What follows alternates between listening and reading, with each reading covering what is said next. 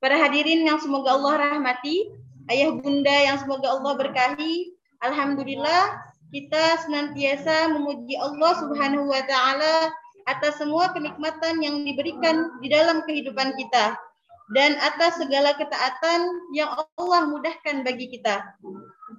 Karena sesungguhnya setiap ketaatan bukan karena hebatnya kita dalam iman dan bukan pula hebatnya kita dalam takwa, tetapi itu semua adalah bagian dari hebatnya Allah Subhanahu wa taala. Maka kepadanya kita bersyukur dan kepadanya kita menggantungkan semua harapan.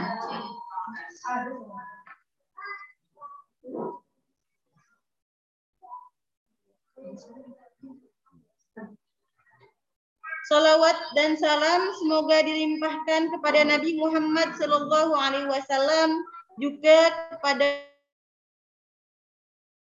dan para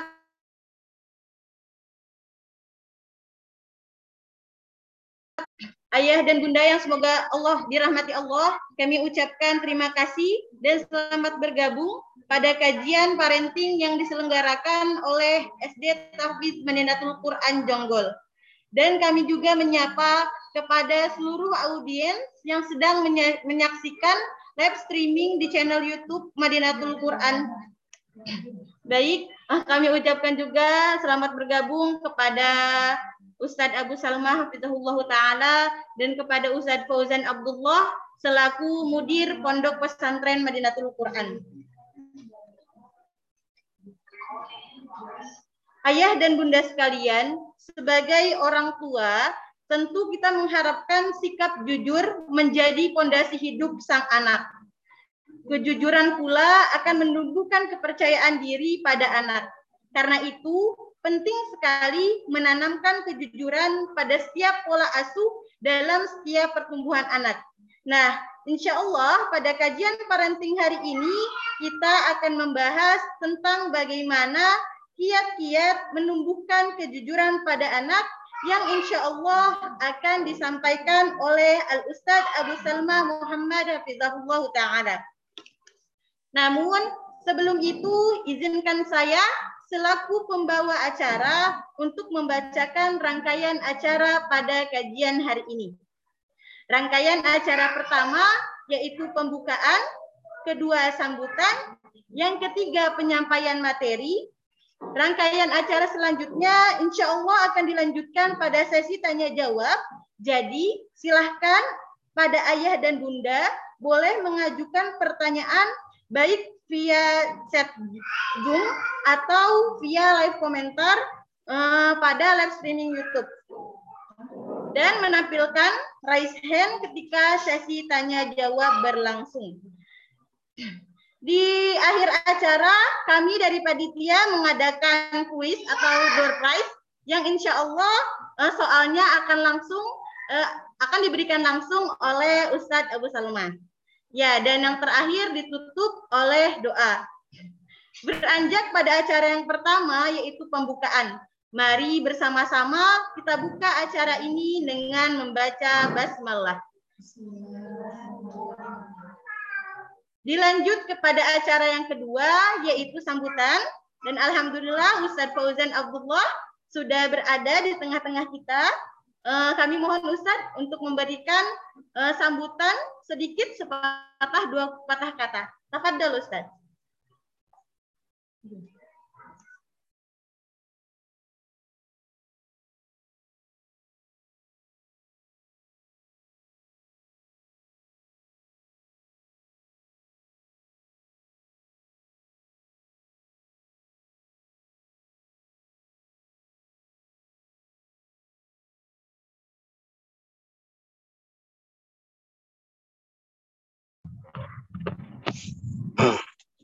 Bismillahirrahmanirrahim. Assalamualaikum warahmatullahi wabarakatuh. Alhamdulillah wassalatu wassalamu ala Rasulillah wa ba'd. Para ayah dan bunda sekalian, para guru, para asatid yang dirahmati Allah Subhanahu wa taala. Alhamdulillah pada pagi hari ini kita diberikan kesempatan untuk bisa berkumpul di dalam satu majelis yang insya Allah di dalamnya disebutkan hadis-hadis Nabi, ayat-ayat Al-Quran, tadkir, ya, pengingatan kepada kita semua. Dan ini adalah satu nikmat yang luar biasa, di mana banyak orang lupa akan kewajiban kepada Allah Subhanahu wa taala. Bapak Ibu sekalian, rahmat Allah Subhanahu wa taala, ayah bunda ya dan uh, para audiens sekalian. Di dalam hadis yang mungkin sering kita dengarkan bahwasanya Rasulullah Shallallahu Alaihi Wasallam beliau bersabda, "Kullukum ra'in wa kullukum mas'ulun an ra'iyatih." Setiap kalian adalah pemimpin dan setiap pemimpin akan ditanya terhadap apa yang dipimpinnya. Ya, jadi masalah kepemimpinan, masalah leadership, masalah eh, apa namanya adalah masalah tanggung jawab. Jadi setiap kita adalah pemimpin dan disebutkan bahwa pemimpin bukan hanya pemimpin negara saja, bukan hanya pemimpin dunia atau pemimpin daerah. Bahkan setiap orang warrojulu ra'in fi ahlihi. Seseorang laki-laki adalah pemimpin bagi keluarganya. Begitu juga seorang wanita ya adalah pemimpin dari apa yang ada di rumahnya. Artinya dia akan ditanya terhadap apa yang dia pimpin. Oleh karena itu, Bapak Ibu sekalian, rahmati Allah Subhanahu wa taala, para ayah bunda. Dalam hadis lain Rasulullah SAW beliau bersabda, "Kullu mauludin yuladu 'alal fitrah, fa abawahu yuhawidanihi aw yunassiranihi aw yunajjisanihi." Bahwasanya setiap anak itu terlahir di atas fitrah, maka orang tuanya lah yang punya peran besar, ya.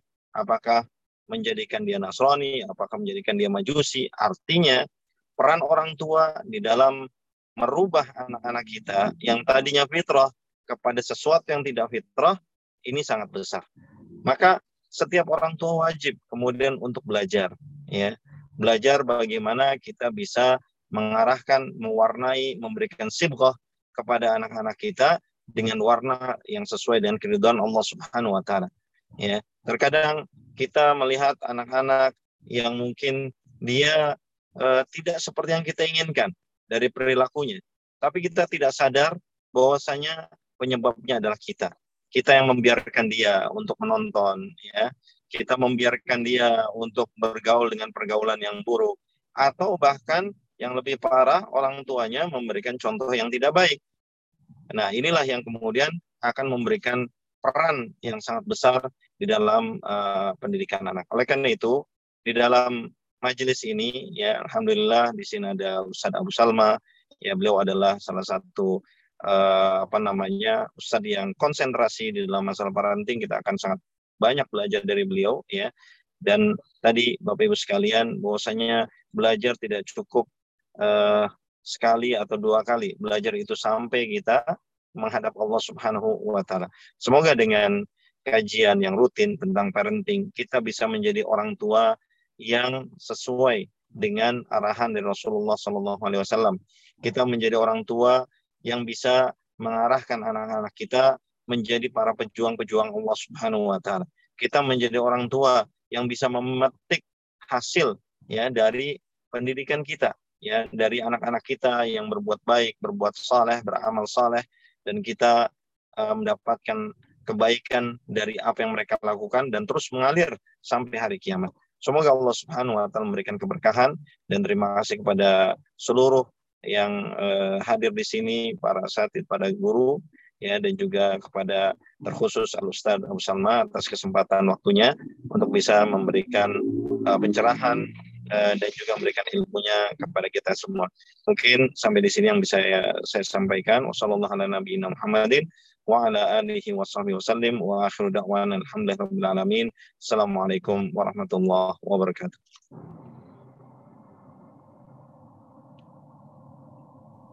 Waalaikumsalam warahmatullahi wabarakatuh. Jazakallahu khairan Ustaz atas sambutannya. Baik, kita beranjak kepada acara yang ketiga yaitu penyampaian materi Uh, insya Allah materi kali ini uh, bertema kiat-kiat menumbuhkan uh, kejujuran pada anak yang insya Allah akan disampaikan oleh Ustaz Abu Salma dan Alhamdulillah beliau telah hadir di tengah-tengah kita. Uh, tapi sebelumnya mohon izin uh, untuk membacakan biodata singkat beliau. Nama Muhammad Rahdi SSI, nama kunia Abu Salma, domisili Cinere Depok, status menikah, satu istri dan satu anak, aktivitas sebagai ketua Yayasan Anak Teladan, pembina komunitas orang tua teladan, grup Al-Wasatiyah wal I'tidal, Mujahadah Parents Project, dan masih banyak lagi yang lainnya. Sebelum kami memulai, kami memohon kepada ayah dan bunda, eh, pada saat Ustadz menyampaikan materi, audio dipastikan dalam keadaan mute dan on kamera, lebih diperhatikan lagi terutama untuk para bunda. Bagaimana Ustadz? Sudah siap untuk dimulai? Insya Allah. Baik, tafadhal. Nah. Syukran wa jazakallah khair. Bismillah. Assalamualaikum warahmatullahi wabarakatuh. Mudah-mudahan suara saya bisa didengar dengan jelas ya? Jelas ya? Baik.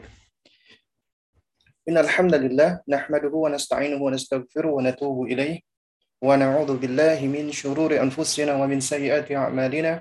Man yahdihillah fa huwal muhtad wa may yudlil falan tajid lahu waliyyan mursyida asyhadu an la ilaha illallah wahdahu la syarika lah. Wa asyhadu anna muhammadan abduhu wa rasuluh. La nabiyya ba'dahu amma ba'du.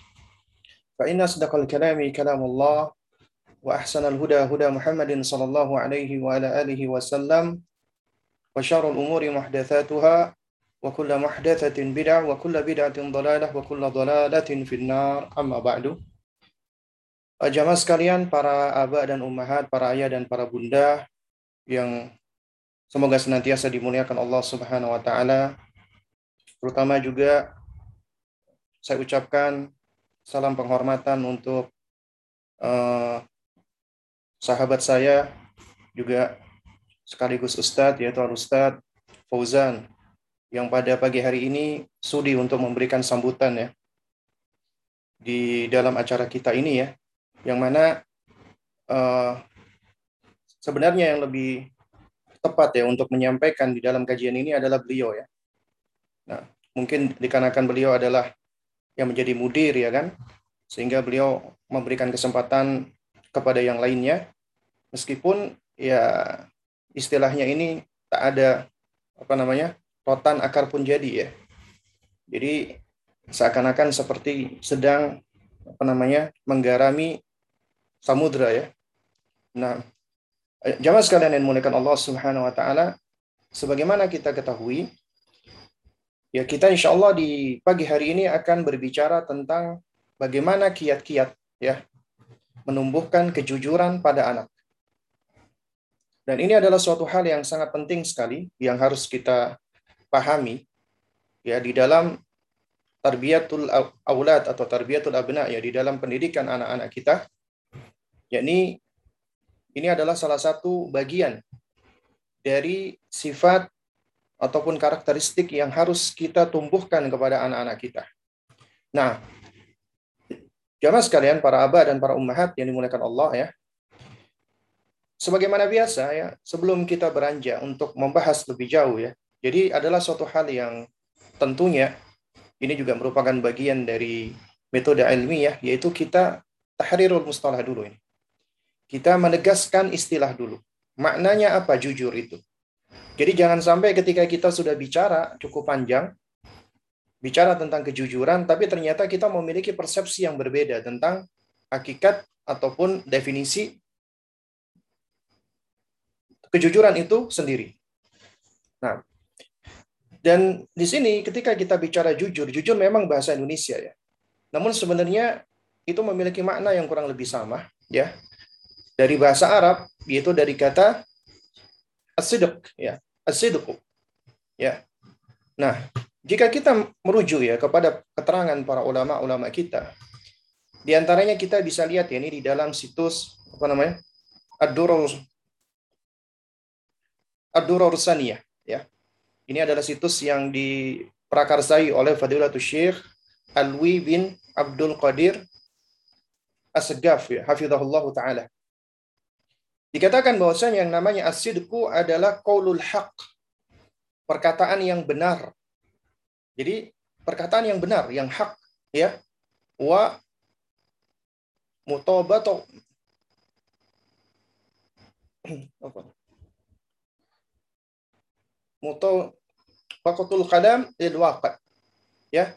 Dan mutabaqah artinya yang selaras. Jadi al-kalam jadi apa namanya perkataan yang selaras dengan al-waqi lil waqi yaitu dengan realita ataupun dengan kenyataannya. Jadi perkataan yang benar yang mana perkataan itu selaras dengan realita atau kenyataan, maka itulah yang disebut dengan kejujuran. Ya. Benar dan selaras dengan kenyataannya, dengan realitanya, dengan kondisi realnya, ya. Atau juga dikatakan ya, maknanya adalah al-khabaru anisyai'i ala ma huwa bihi. Yaitu al-khabar atau informasi anisyai tentang sesuatu ala ma huwa bihi. Yang sesuai dengan keadaannya atau kondisi realnya. Ini sebagaimana disebutkan oleh Ibnu Akil ya di dalam Al-Wadhif fi Usul Fiqh. Ya. Atau juga bisa bermakna mutabaqatul qaul ad-dhamir wal mukhbar anhu ma'an. Ya. yakni mutabaqa kesesuaian antara al-qaul perkataan dengan ad-dhamir. Ad-dhamir dengan niat, ya. Atau dengan bisikan hati. Ya. Sekaligus dengan informasi yang disampaikan. Ya. Secara bersamaan artinya ya perkataan tersebut harus sesuai dengan tendensi kita, niat kita, dan juga harus sesuai dengan kenyataan ataupun sesuai dengan apa namanya informasi yang disampaikan itu sesuai dengan kondisi realnya. Ini sebagaimana disebutkan oleh Al Imam Ar-Raghib Al Asfahani di dalam Ad-Dari'atu ila Makarimi Syariah. Nah, jadi kalau dari sini kita bisa lihat bahwasanya jujur itu sejatinya adalah ucapan yang benar yang sesuai dengan kenyataan, yang mana informasi yang disampaikan itu adalah sesuai dengan keadaan realnya, dan juga yang paling penting, uh, di antara yang paling penting adalah ucapan tersebut haruslah sesuai dengan ya dengan uh, dengan tendensi kita, dengan hati kita, dan juga yang disampaikan itu harus sesuai dengan dengan kondisi yang yang yang real ya sesuai dengan realitanya. Nah, baik jemaah sekalian menggunakan Allah. Di sini kita mempergunakan kata menumbuhkan, bukan kata menanamkan. Jadi kita tidak tidak menggunakan judul bagaimana menanamkan kejujuran kepada anak-anak kita. Nah, kenapa kok kita lebih cenderung mempergunakan kata menumbuhkan? Karena ya jamaah sekalian, tadi sebagaimana yang disebutkan oleh Ustaz Fauzan ya, hafizahullah taala, beliau membawakan sebuah hadis dari Nabi Wasallam yang menyebutkan min mauludin illa yuladu ala fitrah atau di dalam riwayat yang lain dikatakan kullu mauludin yuladu ala fitrah. Ya. Setiap anak itu dilahirkan berada di atas fitrah. Artinya ini adalah sesuatu yang Allah karuniakan kepada makhluknya. Allah sudah tanamkan hal ini. Ya jadi fitrah ini al majbula sesuatu yang sudah Allah tanamkan di dalam diri hamba. Dan fitrah ini ya jika kita tilik ya di dalam surat Ar-Rum ayat 30 Allah Subhanahu wa taala ketika berfirman di dalam surat Ar-Rum ayat 30 Allah mengatakan apa namanya? Fitratullah allati fatarana 'alaiha Demikianlah fitrah Allah Subhanahu wa taala yang Allah Subhanahu wa taala menciptakan manusia berada di atasnya kata Al-Hafidz Ibnu Katsir rahimahullahu taala di dalam tafsir beliau beliau mengatakan annahu ta'ala fatara khalqahu ala tauhidihi wa ma'rifatihi wa ala annahu la ilaha ghairuhu.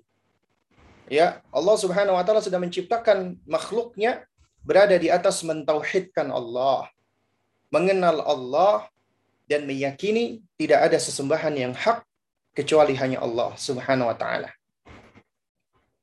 Jadi ternyata tauhid, ya, jadi ternyata fitrah itu adalah tauhid ma'rifatullah dan mengakui tentang uluhiyah Allah. Tidak ada sesembahan yang hak kecuali Allah Subhanahu wa taala. Juga demikian di dalam hadis tadi yang telah kita sebutkan ma min mauludin illa yu illa yuladu 'ala fitrati kata al-Imam An-Nawawi rahimahullahu taala ketika menerangkan tentang makna fitrah beliau mengatakan bahwasanya apa anna kulla mauludin mutahayyan lil Islam setiap anak itu sudah memiliki kecondongan, kecenderungan kepada Islam. Atau dengan kata lain kita katakan bahwasanya fitrah itu adalah Islam itu sendiri. Ya. Dan juga kalau kita perhatikan di dalam sejumlah ya uh, buku-buku kamus ya di antaranya Al-Qamus Al-Muhit ya. Itu disebutkan bahwasanya fitrah itu adalah at-tabi'atus salimah. Tabiat yang selamat, yang bersih latusab'an ya yang tidak dicela ya karena apa karena nuksan wal uyub karena adanya kekurangan ataupun aib jadi dia ada tabiat yang selamat. Ya. Nah oleh karena itu makanya para ulama-ulama kita ulama ahlu sunnah itu menerangkan bahwa ya anak-anak manusia seluruhnya ketika dilahirkan berada di atas kebaikan berada di atas kesucian berada di atas tauhid berada di atas iman berada di atas Islam. Karenanya kita tidak meyakini ya konsepnya orang-orang barat atau orang-orang kafir ya di antaranya uh, eh, dengan teori apa namanya teori uh, apa yang menyebutkan bahwa ada uh, di antara mereka yang meyakini anak-anak itu ditentukan sifatnya oleh faktor hereditas atau genetika artinya ya uh, dalam artian sifat-sifat ini ya, sifat-sifat apa namanya, sifat-sifat atau karakter ya. Jadi menurut mereka ya anak anak-anak itu ditentukan oleh faktor genetika pure, murni, faktor hereditas. Artinya jika orang tuanya jahat maka anaknya juga jahat. Jika orang tuanya baik maka anaknya juga baik ya. Ya ini yang disebut dengan teori pasifisme ya. Nah, dan teori ini pun juga dibantah di antara mereka sendiri ya. Di antara yang membantah mereka adalah salah seorang ilmuwan Inggris bernama John Locke dengan teori dengan teori tabula rasa yang berkeyakinan bahwa anak-anak itu dilahirkan dalam keadaan seperti kertas putih yang kosong, nggak ada isinya. Makanya teorinya dia disebut dengan teori empirisme atau positivisme. Ya. Dia mengatakan bahwasanya yang berpengaruh penuh terhadap anak-anak adalah lingkungan ataupun pendidikan ataupun pola asuh. Ya. Tapi di antara kesalahan John Locke ini adalah dia mengabaikan akan adanya ya sesuatu yang sudah ada di dalam diri manusia yaitu yaitu apa? Yaitu pembawaan yang baik. Makanya teorinya John Locke ini sendiri juga dibantah oleh oleh apa namanya? mereka sendiri ya. Jadi di antara mereka para ilmuwan orang-orang kafir itu juga suatu hal yang sudah lumrah ya kalau kalau mereka punya pendapat yang berbeda-beda. Nah, itu di antaranya dengan konsep innate goodness ya. Jadi saya lupa uh, namanya ya. Uh, jadi di antara mereka itu ada seorang ilmuwan yang mengatakan bahwasanya setiap anak itu sudah dibekali atau sudah memiliki namanya innate goodness. Ya, yaitu kebaikan bawaan. Ya setelah dia melakukan penelitian. Dan ini adalah pendapat yang paling kuat ya setelah dilakukan riset dan lain sebagainya. Dan ternyata konsepsi innate goodness ini itu sudah di sudah dijelaskan oleh Al-Qur'an dan juga oleh hadis Nabi SAW 14 abad yang lalu. Dengan sebutan fitrah. Ya. Jadi konsep innate goodness yang muncul di tahun 1800-an akhir atau 1900 awal itu ternyata sudah didahului oleh agama kita.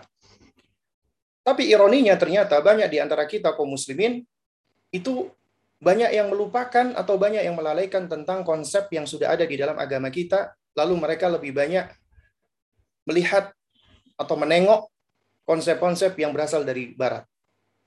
Ya. Dan ini juga menunjukkan bahwasanya jamaah sekalian, bahwasanya sunnah kauniyah Allah yang berangkat dari hasil observasi, penelitian, ya, yang ilmiah dan objektif, hasil riset itu apabila dilakukan dengan benar, dengan ilmiah, dengan objektif, itu sejatinya sedang memperhatikan ayat-ayat Allah, tanda-tanda Allah yang bersifat kauniyah. Dan itu sejatinya tidak akan menyelisihi ayat-ayat kauliyah.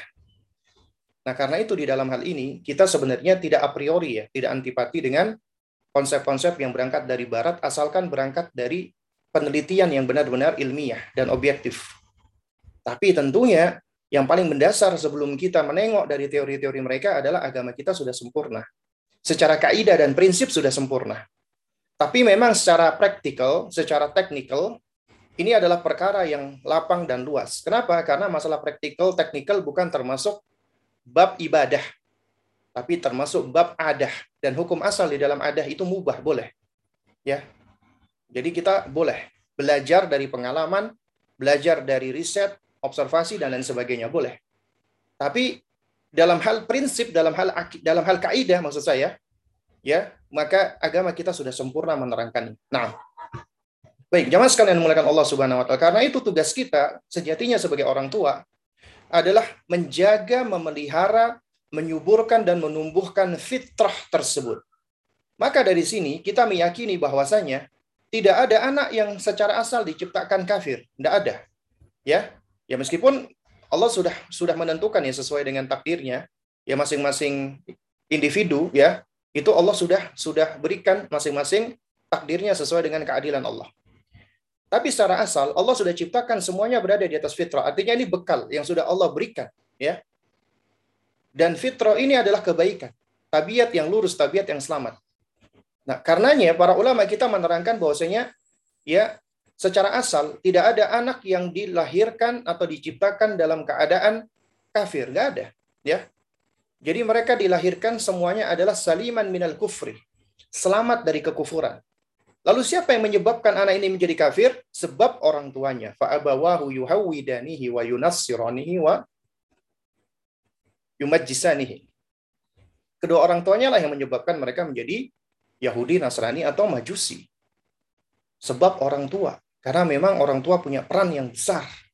Karena Allah juga memberikan karunia kepada manusia dari semenjak kecilnya itu memiliki jihaz, instrumen, alat, al-muhakah untuk meniru, untuk mencontoh. Karena metode belajarnya manusia pertama kali adalah dengan muhaka, mencontoh, mimikri, menduplikasi, meniru yang dekat dengan mereka. Ya, ini adalah sesuatu yang sudah Allah Subhanahu wa taala berikan. Karenanya jangan heran ya jemaah sekalian. Ya, kalau kita perhatikan ternyata argumentasi atau dalil atau hujah ya orang-orang kafir, orang-orang musyrikin, pengikut hawa nafsu dan bidah itu nggak akan lepas dari apa? dari mengikuti ajaran nenek moyang mereka. Ya, mengikuti bapak-bapak mereka. Mengikuti ya leluhur-leluhur mereka, ya. Ya. Jadi itu argumentasi mereka, ya. Sebagaimana dalam surat Al-Baqarah misalnya 170. Ketika Allah Subhanahu wa taala berfirman, "Wa idza qila lahum ittabi'u ma anzalallah." Ya. Dan ketika di Katakan kepada mereka, ikutilah apa yang Allah turunkan. Qalu maka mereka akan membantah.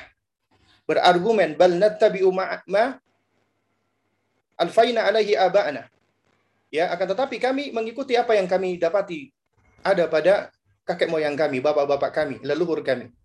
Ya, kata Allah Subhanahu wa taala, "Awalau kana aba'uhum la ya'kiluna syai'ah." Ya padahal bapak-bapak mereka itu nggak punya akal sedikit pun nggak berakal sedikit pun. Wala yahtadun dan tidak pula ya mendapatkan petunjuk. Ya. Dan juga masih banyak ayat-ayat yang yang serupa di dalam Al-Qur'an. Itu menunjukkan bahwa ternyata ya di antara sebab kekufuran, sebab keburukan itu adalah orang tuanya. Sehingga ini yang menjadi argumentasi mereka. Ini yang menjadi hujah mereka, dalil mereka. Coba Anda perhatikan, kalau Anda ketemu dengan orang-orang yang menyekutukan Allah atau melakukan perbuatan bid'ah, argumentasi mereka itu nggak akan lepas dari hal ini. Ini yang kami dapati ada pada nenek-nenek moyang kami, leluhur kami, bapak-bapak kami, dalam rangka untuk menjaga hal ini. Meskipun orang tua-orang tua mereka, kakek moyang mereka, leluhur mereka nggak punya ilmu. Tidak mendapatkan petunjuk. Tidak berakal. Ya. Tapi tetap mereka ikuti. Kenapa? Karena manusia memang memiliki kecondongan untuk mengikuti yang paling kuat darinya. Meskipun ya nenek moyang mereka, kakek moyang mereka itu mendapatkan hal itu dari syaitan. Karena syaitan lah yang menggelincirkan manusia. Ya. Nah, jadi jamaah sekalian menggunakan Allah. Karena itu kita meyakini tidak ada anak yang diciptakan pendusta, pembohong, khianat. Kalau ada anak pendusta, pembohong, khianat, nggak akan lepas dari pengaruh lingkungan sekitarnya, terutama pola asuh. Orang tua dengan pola asuhnya atau lingkungan yang menjadikan anak itu berdusta atau tidak jujur. Karenanya, apabila Anda punya anak yang suka berbohong, maka jangan salahkan anaknya dulu. Kita muhasabah dulu, introspeksi dulu. Ada yang salah dengan kita karena anak itu sejatinya memperoleh keburukan-keburukan itu tidak lepas dari kita sebagai orang tua taruhlah kita nggak pernah ngajarin Ustadz, mereka ngambil dari lingkungan, tetap nggak lepas dari kesalahan kita. Yakni karena kita teledor, sehingga anak kita itu terpengaruh dengan keburukan. Berarti kita belum atau kurang menumbuhkan tentang imunitas pada anak-anak kita. Sehingga dia ya memiliki imunitas terhadap keburukan-keburukan di lingkungan luar. Nanti ini yang akan kita bahas yang atau yang akan kita singgung sedikit. Jadi jamaah sekalian menggunakan Allah Subhanahu wa taala ya. Kita singgung dulu sedikit ya. Bahwasanya as-sidqu, kejujuran itu adalah sifat yang mulia. Ya, sifat yang mulia. Ya. Bahkan Allah Subhanahu wa taala ya, itu juga disifatkan dengan sifat-sifat seperti ini. Karena apa? Karena Allah Subhanahu wa taala tidak mungkin berdusta. Karena Allah adalah ya uh, memiliki sifat seperti ini. Di antaranya Surat Ali Imran ayat 95 Allah mengatakan, "Kul sadaqallah." Katakanlah wahai Muhammad, ya Allah Subhanahu wa taala itu benar, jujur. Tidak mungkin Allah Subhanahu wa taala itu berbohong atau salah di dalam menyampaikan wahyunya. Makanya dikatakan waman asdaqu minallahi haditha. Dan juga di dalam ayat apa di dalam surat yang sama ya, itu juga dikatakan waman asdaqu minallahi kila. Siapa yang lebih jujur, yang lebih benar perkataannya? Ya, melebihi daripada Allah. Tidak ada. Ya. Makanya dikatakan ya di dalam khutbatul haja ya fa inna asdaqal kalami kalamullah. Sesungguhnya sebenar-benar sejujur-jujur perkataan adalah kalam Allah. Makanya sidak itu gak akan lepas dari makna benar dan jujur. Ya, benar dan jujur. Karena yang namanya kejujuran itu harus sesuai dengan al-haq, kebenaran dan Allah lah al-haq. Ya. Dan juga dikatakan dalam surat Al-An'am dan masih banyak lagi ayat-ayat yang lainnya adalah watammat kalimatu rabbika sidqan wa adlan. Ya dan telah sempurna kalimat Rabbmu ya sidqan wa adlan itu dengan benar dan adil ya jujur dan adil. Demikian pula sifatnya para nabi dan rasul. Kita lihat Nabiullah Ibrahim alaihissalam Khalilullah ketika Allah berfirman kepada nabi kita wadhkur Ya, sampaikanlah wahai Muhammad fil kitabi di dalam Al-Qur'an Ibrahim tentang Ibrahim innahu kana siddiqan nabiyya. Sesungguhnya Ibrahim itu adalah seorang yang jujur lagi nabi, seorang yang benar, jujur. Ya, dan seorang nabi, ya. Ini pujian Allah kepada Nabi Allah Ibrahim alaihissalam. Kemudian Allah memuji putra beliau. Kakeknya Nabi kita Muhammad sallallahu alaihi wasallam Ismail. Jadi kedua orang ini adalah ya dua orang yang mulia. Kakeknya Nabi kita Muhammad sallallahu alaihi wasallam ya. Yaitu di surat Maryam pula ya. Beberapa ayat berikutnya yaitu ayat ke-54. Juga disebutkan wadhkur fil kitab Ismail. Dan ceritakan pula kepada mereka ya Muhammad tentang Ismail di dalam Al-Qur'an. Innahu kana sadiqal wa'di wa kana rasulan nabiyyah sesungguhnya dia itu adalah orang yang jujur terhadap janjinya dan dia adalah seorang rasul lagi seorang nabi. Kemudian juga Nabi Yusuf alaihissalam ya juga beliau diakui oleh ya oleh orang-orang yang ada di sekitarnya. Dikatakan Yusufu ayyuhas siddiqu. Yusuf ya wahai Yusuf orang yang jujur. Orang yang benar ya. Demikian pula Nabi Idris alaihissalam di dalam surat Maryam juga Allah puji wadhkur fil kitabi Idris innahu kana siddiqan nabiyyah. Ya, dan ceritakanlah pula di dalam Al-Qur'an tentang Idris sesungguhnya dia adalah seorang yang siddiq lagi seorang nabi ya. Nah, juga Nabi kita yang Muhammad alaihi salatu wassalam itu betapa banyak pujian-pujian ya baik dari orang-orang musyrikin sendiri ya kepada Nabi terutama sebelum Nabi diangkat menjadi Nabi dan Rasul ya dan juga para sahabatnya semua sepakat Nabi itu adalah seorang yang as-sadiqul amin ya seorang yang jujur lagi bisa dipercaya. Nah, dan juga kita perhatikan ucapan ibunda Khadijah radhiyallahu taala anha ketika turunnya wahyu kepada nabi kita ya Ibunda Khadijah mengatakan innaka latasdukul hadis ya. Itu ucapan Ibunda Khadijah radhiyallahu taala anha kepada Nabi kita sallallahu alaihi wa ala alihi wasallam. Nah. Lalu kemudian di sini kita coba lihat ya ada anwa sidq, ya macam-macam kejujuran. Yang pertama adalah as-sidqu ma'allah, jujur terhadap Allah. Nah, ini juga pondasi yang perlu kita pahami nih. Artinya ketika Anda ingin mengajarkan as-sidq, kejujuran, juga demikian. Ketika kita mengajarkan kepada anak kita adab, kita tahu konsep adab ya. Makanya konsepnya para salaf dahulu adalah al-adabu qabla talabi. Adab sebelum menuntut ilmu. Dan ini adalah suatu hal yang mulai hilang. Bahkan sudah hilang, dilupakan oleh kaum muslimin. Tapi malah dihidupkan oleh sebagian orang-orang kafir, seperti orang-orang Jepang. Karena kalau kita perhatikan ya, itu uh, apa namanya itu di video YouTube itu ada sebuah penelitian yang dilakukan ya oleh seorang uh, apa namanya pemerhati pendidikan ya kalau nggak salah dari Inggris. Dia melakukan penelitian terhadap pendidikan anak-anak di Jepang. Kenapa anak-anak di Jepang itu luar biasa? Memiliki keceriaan tapi kedisiplinan yang luar biasa ya akhirnya dia melakukan penelitian selama beberapa pekan akhirnya dia sampai kepada kesimpulan ada beberapa kunci keberhasilan pendidikan di Jepang yang menarik adalah the first key kunci pertama Manners before knowledge. Itu kunci pertamanya. Manners before knowledge. Ternyata ini ya beberapa ya apa namanya abad yang lalu itu sudah menjadi bagian dari agama kita. Dari maksud saya ini sudah menjadi bagian dari cara yang sudah dipraktekkan oleh para salaf kita terdahulu. Al-adab qabla al-ilmi. Adab sebelum ilmu. Ya. Nah, juga diterangkan bahwasanya bil adabi yufhamul ilmu dengan adab ilmu akan bisa lebih bisa dipahami gitu. Ya, kita akan lebih bisa memahami ilmu dengan adab. Dan diterangkan juga oleh para ulama adab yang paling tinggi adalah tentunya adab kepada Allah. Adab kepada Rasulullah dan seterusnya. Demikian pula ketika kita bicara tentang konsep as-sidqu, konsep kejujuran, maka konsep kejujuran yang paling tinggi adalah as-sidqu Allah. Jujur kepada Allah. Ya, jujur terhadap Allah. Bagaimana bentuknya? Ikhlas di dalam beramal. Ya, ikhlas di dalam beramal tanpa ada tendensi sum'ah ria, ingin didengar, ingin pamer, ingin dilihat. Ya, apalagi kita melakukan kesyirikan. Ya, itu itu di antara salah satu bentuk jujur kepada Allah. Menghadirkan pengawasan dan perhatian Allah di dalam segala hal atau muraqabatullah. Dan ini di antara kunci.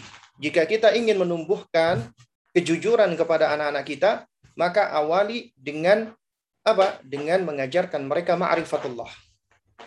Mengenal Allah dan mengenalkan hak-haknya Allah. Hak Allah yang paling tinggi tauhid. Ya, dan jauhkan mereka dari kesyirikan. Ini metode yang di, di, diajarkan oleh Luqman alaihissalam.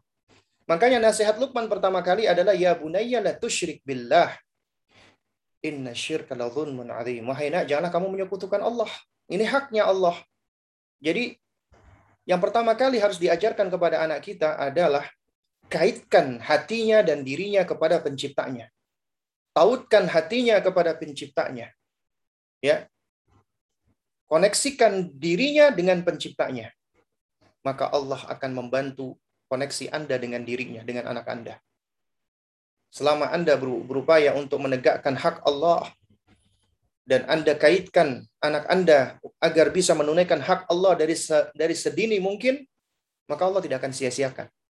Karena itu merupakan sebab taufik dan hidayah untuk diri Anda dan juga untuk anak Anda. Sebab memperoleh kesalehan. Ya. Apabila kita sudah mengaitkan anak kita dengan Allah. Menumbuhkan mahabbatullah. Kenalkan dia dengan ya, sejumlah nama-nama dan sifat-sifat Allah subhanahu wa ta'ala. Hingga terbentuk imaji positif terhadap Allah. Karena seseorang apabila mempelajari tentang Allah. ya Maka dia akan semakin takjub. Misalnya contoh saja ya, kita ini mengajarkan anak kita, misalnya tentang sesuatu nih. Eh, taruhlah kita melihat sesuatu yang indah saja, ya. Kita kita lihatkan mereka tentang apa namanya pemandangan yang begitu indahnya. Kita manusia tuh dengan hal-hal seperti itu akan mudah takjub. Luar biasa. Ya. Ini padahal makhluk ini. Lantas bagaimana dengan sang pencipta dari segala keindahan tersebut? yang jauhnya yang tentunya jauh lebih indah lagi.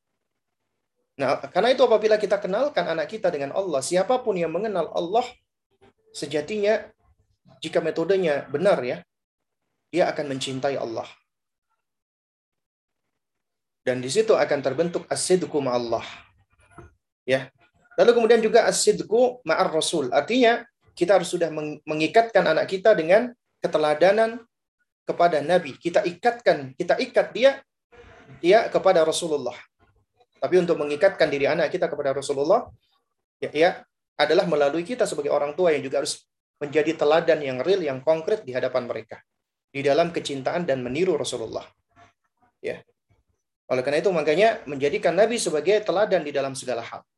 Kemudian asidku ma'an nafsi, jujur terhadap diri kita sendiri. Jadi ini di sini pentingnya kita mengajarkan tentang ma'rifatul zat atau ma'rifatul nafsi. Ini penting ini di dalam pendidikan. Mengenal diri kita. Mengenal apa yang ada di dalam diri kita. Ya, baik itu perasaan, emosi, ya, pikiran, kemauan, keinginan dan semuanya. Ya. Dan juga di dalam agama kita sebenarnya kita juga dituntut ya untuk belajar tentang konsepsi diri, mengenal diri. Dan ini isyarat-isyaratnya ada di dalam Al-Quran dan juga di dalam hadis Nabi Shallallahu Alaihi Wasallam. Ya, ketika Allah berfirman misalnya dalam surat At-Tahrim yang sering kali kita dengarkan, ku anfusakum wa ahlikum nara, jagalah diri kalian dan keluarga kalian dari neraka. Allah khitabnya menyuruh kepada siapa dulu? Kita dulu, diri kita sendiri dulu. Ya. Berarti kita diperintah untuk menjaga diri kita sendiri dulu. Kita harus mengenal diri kita. Ternyata diri kita ini sejatinya adalah juga titipan dari Allah. Tangan kita, kaki kita, tubuh kita, ya, mata kita, semuanya titipan dari Allah, milik Allah, Allah pencipta kita. Kalau kita kembalikan ke konsep tauhid rububiyah, tauhid rububiyah itu ya secara umum kembali kepada tiga hal. Kita menyatakan Allah sebagai khaliquna, pencipta kita. Ya, karena Allah pencipta kita, Allah malikuna, Allah pemilik dan penguasa kita. Artinya semua yang Allah ciptakan miliknya. Di bawah kekuasaannya. Sehingga Allah berhak untuk mengambilnya anytime, kapan saja. Dan semua yang Allah berikan kepada kita adalah titipannya yang harus kita jaga dan kita pelihara. Baru kemudian Allah mudabbiruna, Allah mengatur semua urusan kita, pengatur kita. Rizki kita, hidup kita, mati kita, semuanya Allah atur. Sehingga itu akan membuahkan ketenangan untuk kita. Karena kita athiqatu bihi. Kita percaya kepada Allah Subhanahu wa taala. Itu konsepnya. Dan orang-orang yang tidak mengenal dirinya akan kesulitan dia untuk dalam segala hal, untuk apa namanya? Meregulasi emosinya ya. Lalu kemudian juga dia akan cenderung untuk ya banyak melakukan perbuatan-perbuatan yang ceroboh dan yang semisal bahkan termasuk kemaksiatan. Makanya kemaksiatan itu dis, apa diseringkali bukan sering kali ya, memang disebutkan sebagai perbuatan apa? Mamdolama nafsahu, orang yang menzalimi dirinya. Artinya orang bermaksiat, kita bermaksiat, kita sedang menzalimi diri kita sendiri. Kita sedang menganiaya diri kita sendiri dengan perbuatan kemaksiatan tersebut. Karena yang orang yang mengenal dirinya, dia berupaya untuk menjaga dirinya. Dirinya ini adalah titipan dari Allah yang harus dia pelihara, yang harus dia jaga. Dan seseorang, bagaimana dia bisa menjaga orang lain sementara dirinya tidak bisa dia jaga? Dan ini akan membuahkan mahabbatun nafs, mencintai diri. Mencintai diri tidak buruk, tidak jelek. Asalkan sesuai dengan koridornya. Ya. Asalkan tidak tidak berlebihan, tidak seperti konsepnya orang kafir menjadi narsis misalnya. Tidak. Orang yang mencintai diri, maka dia akan menghargai dirinya. Ya. Dan dia akan menjaga dirinya agar tidak jatuh kepada kejelekan, keburukan, kehinaan. Karena orang yang mencintai dirinya, kepingin dirinya berada di tempat-tempat yang tinggi dan mulia. Dia ingin agar dirinya dekat dengan Allah Subhanahu wa taala. Itulah orang hakikat orang yang mencintai dirinya. Karenanya tidak salah ya ketika ada sebuah idiom ataupun nasihat dari para, para ulama yang mengatakan man arafa nafsahu arafa rabbahu. Siapa yang semakin mengenal dirinya akan semakin mengenal Rabbnya penciptanya. Betapa dia fakir, butuh kepada Rabbnya, betapa dia lemah, dia butuh dengan selalu pertolongan Allah. Dan betapa Allah menciptakan dirinya dengan begitu sempurnanya. Sehingga dia senantiasa bersyukur kepada Allah. Dengan bersyukur dia akui dengan hatinya. Dia bertahmid ucapkan dengan lisannya. dan dia pergunakan kenikmatan tersebut di dalam perbuatan ketaatan dengan anggota tubuhnya. Itu hakikat orang-orang yang bersyukur kepada Allah. Kemudian baru asidku ma'nas, jujur terhadap orang lain. Ya, yaitu tidak membual, menipu, berkhianat, ya, terutama ma'al wali, ma'al apa namanya? walidain ya. Jadi jujur kepada kedua orang tuanya dengan berbuat bakti, berbuat baik, menaati dalam perkataan ma'ruf, kemudian ma'al ikhwa dengan saudaranya dan seterusnya, ya. Itu di antara macam-macam kejujuran. Nah, lalu kemudian kita bicara dulu nih keutamaan jujur, ya. Karena ini yang akan menjadi namanya pendorong, ya.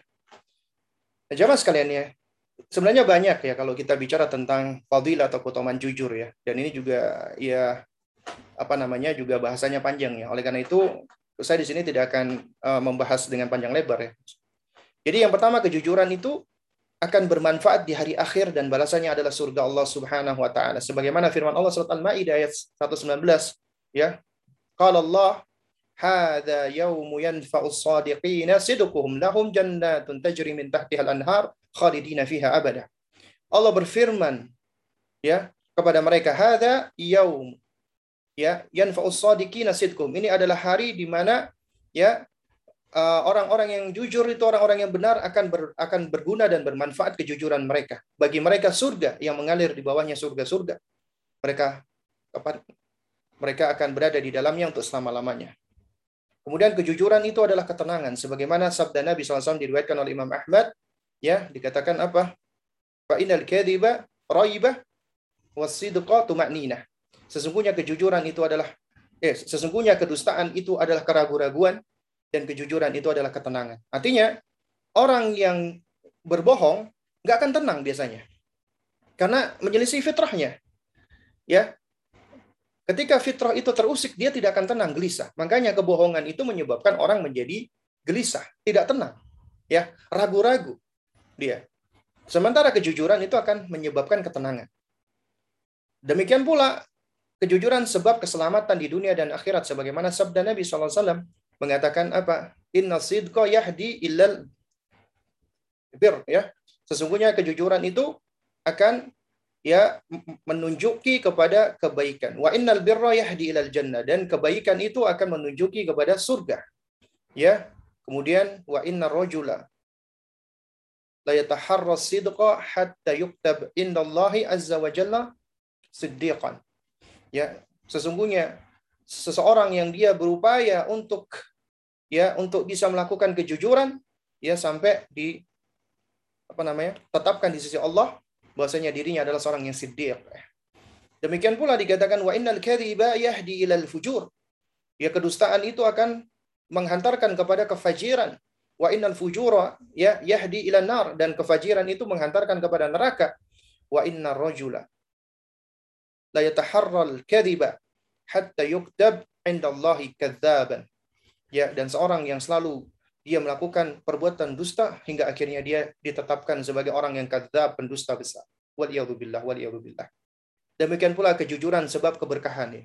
Di antaranya ketika kita bermuamalah, kita bertransaksi, kita berjual beli, itu di antara kaidahnya hadis Nabi ini. Nabi mengatakan al bayyani bil khiyar ma lam yatafarraqa. Ya. Namanya transaksi jual beli itu dengan khiyar, dengan opsi ya pilihan. Selama belum berpisah ya. Jadi ada khiyar ada hak khiyar ya. Fa in sadaqa wa bayyana burika lahuma fi bai'ihima dan apabila mereka itu apabila mereka berdua ya penjual dan pembeli ini berbuat jujur dan saling menerangkan ya menerangkan jualan mereka ya maka akan diberkahi di dalam transaksi jual beli mereka Wa in katama wa kadzaba, apabila keduanya itu menyembunyikan dan berdusta, ya. Muhikkat mubarakatu bai'ihima, ya. Maka akan hilanglah keberkahan dari jual belinya. Jadi ternyata kejujuran bisa mendatangkan keberkahan. Nah, lalu kemudian bagaimana karakter orang yang jujur? Sebenarnya banyak ya. Cuma di sini kita akan simpulkan dari firman Allah Subhanahu wa taala ini. Surat Al-Baqarah ayat 177.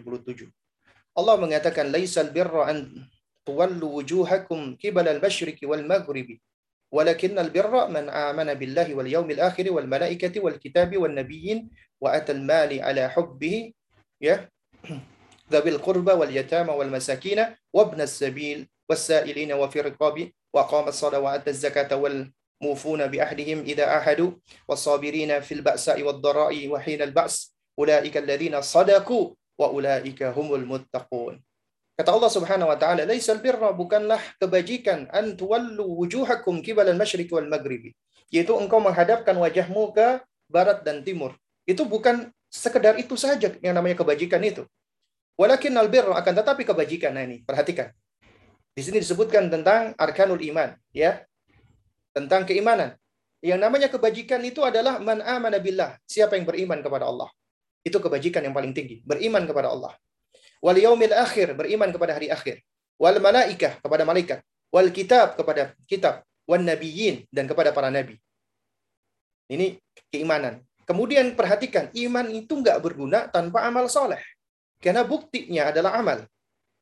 Makanya disebutkan wa atal mal ala hubbihi. Ya. Dan orang-orang yang memberikan harta yang ia cintai ya dabil kurba kepada kerabatnya. Nah, kemudian kalau Anda ingin memberikan sesuatu, maka yang paling tinggi adalah sesuatu yang Anda sukai. Lalu kemudian diajarkan di sini apa namanya? Kepada siapa kita memberikan? Ya, kita prioritaskan pertama kepada dabil kurba, kerabat kita. Ya wal yatama anak-anak miskin, anak apa anak-anak yatim. Ya wal masakin orang-orang miskin. Wa sabil orang-orang musafir yang kehabisan bekal dan yang semisalnya. Ya wasailina ya. Dan orang-orang yang meminta-minta.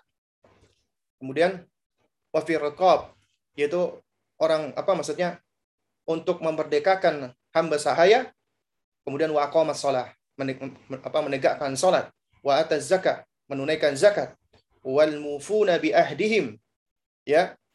Dan orang-orang yang apa namanya menunaikan janjinya. Ya ketika mereka berjanji ya ya ini wal mufuna bi ahdihim idza ahadu wasabirina fil ba'sa'i wad dharra ya wahinal ba's orang-orang yang senantiasa bersabar di dalam kesempitan, penderitaan dan juga di dalam kesulitan ketika perang. Nah, ini di antara karakteristiknya orang-orang yang jujur. Kenapa? Karena Allah mengatakan ulaikal ladzina sadaku. Mereka itulah orang-orang yang jujur, yang benar di dalam keimanannya tentunya. Ya, wa ulaika humul muttaqun dan mereka itulah orang-orang yang bertakwa. Karena kita tahu ya, yang namanya kejujuran itu makanya disebut dengan as-siddiqin itu derajatnya sering kali disebutkan setelah para nabi dan rasul. Ya, sering kali disebut setelah siapa? Para nabi dan rasul, ya. Nah, kita bisa lihat ya. Misalnya contoh. Di dalam surat An-Nisa ya. Allah Subhanahu wa taala berfirman, "Wa may yuti'illaha wa rasula fa ulaika ma'al ladzina an'ama Allahu 'alaihim minan nabiyyin was-siddiqin wasyuhada was-salihin. Wa hasuna ulaika rafiqa." Siapa yang menaati Allah dan Rasulnya, maka mereka akan bersama dengan orang-orang yang Allah telah berikan nikmat kepada mereka. Nah, ini di antara yang diterangkan oleh para ulama, ya, di antara tafsir firman Allah Subhanahu Wa Taala ketika kita berdoa di dalam surat Al-Fatihah, ya, apa namanya? Ketika kita meminta petunjuk, ihdinas siratal mustaqim, siratal ladina an'amta alaihim, yaitu jalannya orang-orang yang engkau berikan nikmat kepada mereka. Siapa yang diberikan nikmat oleh oleh Allah Subhanahu Wa Taala? Ya, mereka adalah minan nabiyyin, dari para nabi, wasiddiqin dari orang-orang yang siddiq, ya, wasyuhada dan orang-orang yang syahid, wassalihin dan orang-orang yang saleh. Wa hasuna ulaika rafiqa dan mereka adalah sahabat yang paling yang paling baik ya. Nah. Baik, jemaah sekalian mulakan Allah. Lalu apa manfaat atau samarat buah daripada kejujuran? Ya, yang pertama adalah realisasi dari ubudiyah, ya peribadatan kepada Allah dan mutabaah kepada Rasulullah. Karena ini membutuhkan kejujuran. Kalau kita belajar tentang tujuh syarat la ilaha illallah di antara syaratnya adalah harus ada harus asidq. Ya. Dan juga di ayat tadi dikatakan ya yang namanya bukti daripada apa kejujuran ya, maksud saya bukti daripada keimanan itu adalah orang-orang yang tadi ya yang mengeluarkan hartanya yang dia cintai kepada kerabatnya, kepada anak yatim, kepada orang miskin, ya, kepada musafir yang kehabisan bekal, ya dan juga budak yang dimerdekakan dan seterusnya. Lalu kemudian juga merupakan balasan yang baik. Dan tidak ada balasan yang baik kecuali surga dari Allah Subhanahu wa taala. Ini adalah terhib, ya, motivasi yang paling besar yang seharusnya kita pahami, kita camkan, dan kemudian kita dorong anak kita agar mereka berbuat jujur. Karena kata Nabi SAW, ya sebagaimana tadi sudah kita sebutkan hadisnya, ya, Inna sidqa yahdi ilal bir. Sesungguhnya kejujuran itu akan menghantarkan kepada kebajikan. Wa innal birra yahdi ilal jannah. Dan kebajikan itu akan menghantarkan kepada surga. Kemudian juga akan membuahkan muraqabatullah. Meskipun dasar daripada kejujuran ini adalah muraqabatullah. Ya, karena kata Nabi SAW, wa ma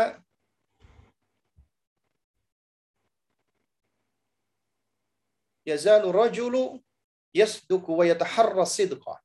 Ya, dan ketika seseorang dia senantiasa ya jujur dan berusaha untuk berbuat jujur, ya artinya dalam rangka untuk apa mencari uh, Allah Subhanahu wa taala. Kemudian dia akan mendapatkan pujian dari Allah. Di antara pujian Allah adalah dia akan dikatakan sebagai orang yang jujur di sisi Allah. Dikatakan makanya hatta yuktaba indallahi siddiqan. Ya. Sehingga dia di, ditetapkan baginya di sisi Allah sebagai orang yang jujur, orang yang siddiq dan tidak ada tentunya ya pujian yang paling tinggi kecuali pujian dari Allah Subhanahu wa taala. Bahkan Allah pun juga memerintahkan kita agar kita bersama-sama dengan orang-orang yang jujur. Agar kita berteman, bersahabat, bermujalasa ya dengan orang-orang yang jujur. Allah mengatakan ya ayyuhalladzina amanu ittaqullaha wa kunu ma'as. Wahai orang-orang yang beriman, bertakwalah kalian kepada Allah dan hendaknya kalian bersama dengan orang-orang yang jujur, orang-orang yang benar. Dan juga mengandung keberkahan sebagaimana tadi yang kita sebutkan, fa in sadaqa wa bayyana burika lahuma fi bai'ihima. Allah akan berikan keberkahan ya ke kepada keduanya di dalam transaksinya apabila dia jujur. Allah berikan ketenangan tumaknina fa inna sidq fa inna sidqa ya tumakninatun. Sesungguhnya ya kejujuran itu adalah tumakninah. Dan yang enggak kalah pentingnya lagi itu bisa memberikan taufik kepada akhir yang baik, husnul khatimah. Sebagaimana sabda Nabi wa ma yazalu rajulu yasduku wa yataharras sidqa hatta yuktab indallahi siddiqan. Ya. Orang yang selalu senantiasa berbuat jujur dan dia selalu berupaya untuk mencari kejujuran, maka Allah akan tetapkan baginya sebagai orang-orang yang jujur di sisi Allah. Itu adalah ketentuan Allah dan itu adalah husnul khatimah. Akhir yang baik. Nah, lalu jamaah sekalian ya, di sini sebelum kita bicara tentang kiat ya. Jadi yang pertama kali harus kita pahami adalah pijakan-pijakan di dalam menumbuhkan kejujuran. Dari pijakan inilah baru kita bisa ya bisa mengambil ya kiat-kiatnya. Karena sebelum kita bicara how to, bagaimananya, maka kita harus tahu dulu ini dasarnya, landasannya. Di antaranya why-nya, kenapanya. Nah, jadi di sini ada beberapa pijakan ya. Ini merupakan beberapa kaidah ya dari tarbiyatul aulad ya. Uh, dari sejumlah buku-buku tentang pendidikan anak. Ya nanti ini nanti ini akan kita kita bahas di slide berikutnya. Pertama adalah at-tarbiyatu bil hikmah, mendidik dengan hikmah. Itu pijakan pertama. Kedua adalah at-tarbiyatu bil qudwah, mendidik dengan keteladanan. Ketiga, at-tarbiyatu bil mau'idhah, mendidik dengan nasihat. Keempat, at-tarbiyatu bi ta'wid, mendidik dengan pembiasaan. Yang kelima, at-tarbiyatu bin nizami wal ihtimam, mendidik dengan aturan dan atensi. Kemudian yang keenam adalah at-tarbiyatu bi targhibi wa tarhibi, mendidik dengan motivasi dan ancaman. Baru kemudian at-tarbiyatu bis thawabi wal uqubah, mendidik dengan reward and punishment. Ya. Jadi di sini ada tujuh pijakan yang akan kita bahas pada kesempatan ini. Nah, baik, jamaah sekali muliakan Allah, kita bicara dulu ini tentang mendidik dengan hikmah, ya, mendidik dengan hikmah. At-tarbiyatu bil hikmah, ya. Untuk membahas tentang hikmah, kita harus paham dulu ini. Ya, ada tiga ya syarat hikmah yang disebutkan oleh Al-Hafidh Ibnu Qayyim rahimahullah taala ketika mendefinisikan hikmah. Kata beliau, hikmah itu adalah fi'lun ma yanbaghi alal wajhi alladhi yanbaghi fil waqti alladhi yanbaghi. Itu hikmah. Jadi kalau kita kalau kita kupas ya kata beliau fi'lun mayam bagi melakukan sesuatu yang benar. Artinya hikmah itu yang kita lakukan, kita ucapkan, kita kerjakan harus benar. Kalau nggak benar bukan hikmah. Benar berarti harus ada ilmunya. Ilmu tentunya adalah yang sesuai dengan syariat Al-Quran dan Sunnah. Berarti di sini mengharuskan kita memiliki ilmu.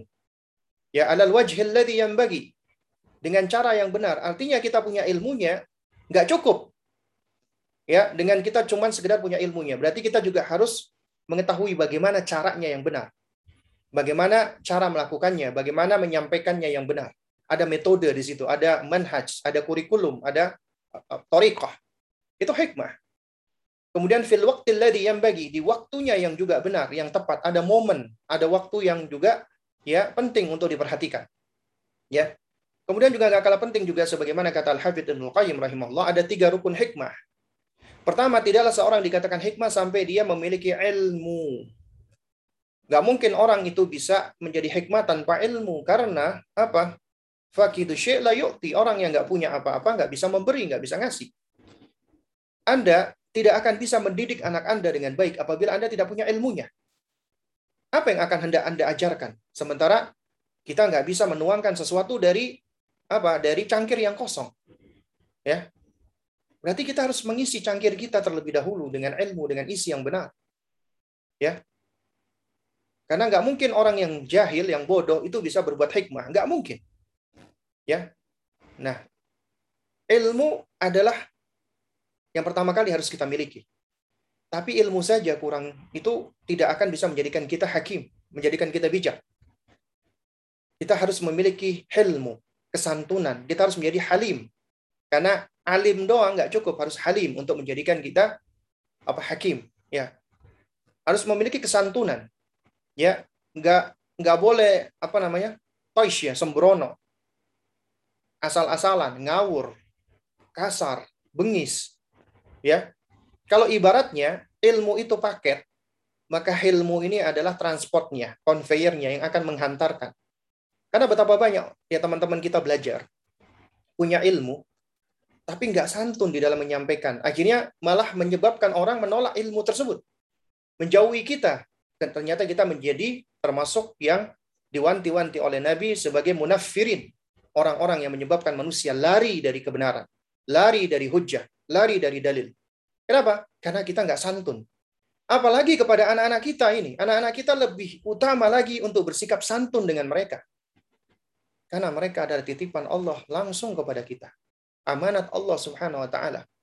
Yang mana mereka itu ya masih kondisi apa kalau di bawah tujuh tahun ya maksud saya kalau di bawah usia balik ya mereka itu masih kondisi baroah masih belum berdosa mereka ini Nah, kemudian yang ketiga yang nggak kalah pentingnya adalah apa?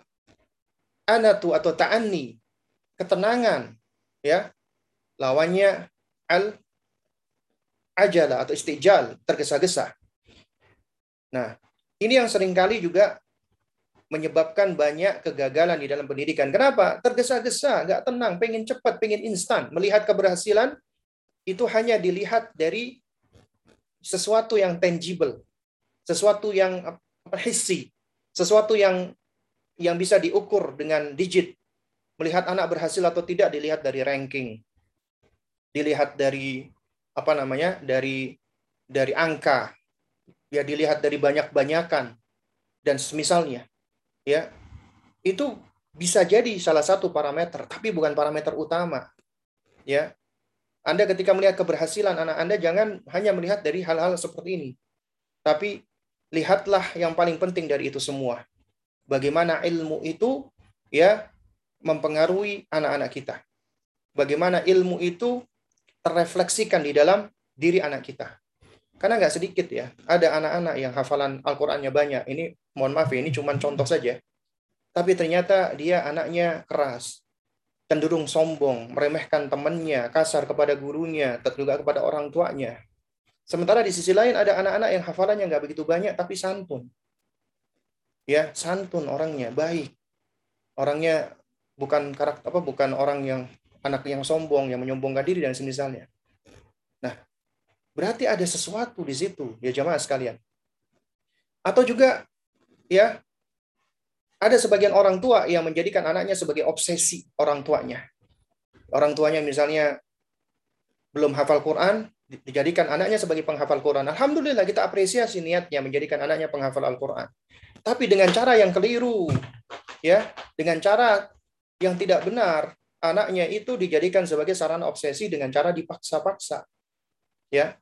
Padahal pendidikan itu bukan bukan dengan cara paksaan. Dan mendidik itu butuh proses. Ya, ada tahapannya. Karena kita sedang mendidik ya tarbiyah itu ada syai'an fa syai'an, wa halan fahalan. Ada prosesnya sedikit demi sedikit, tahapan demi tahapan, langkah demi langkah.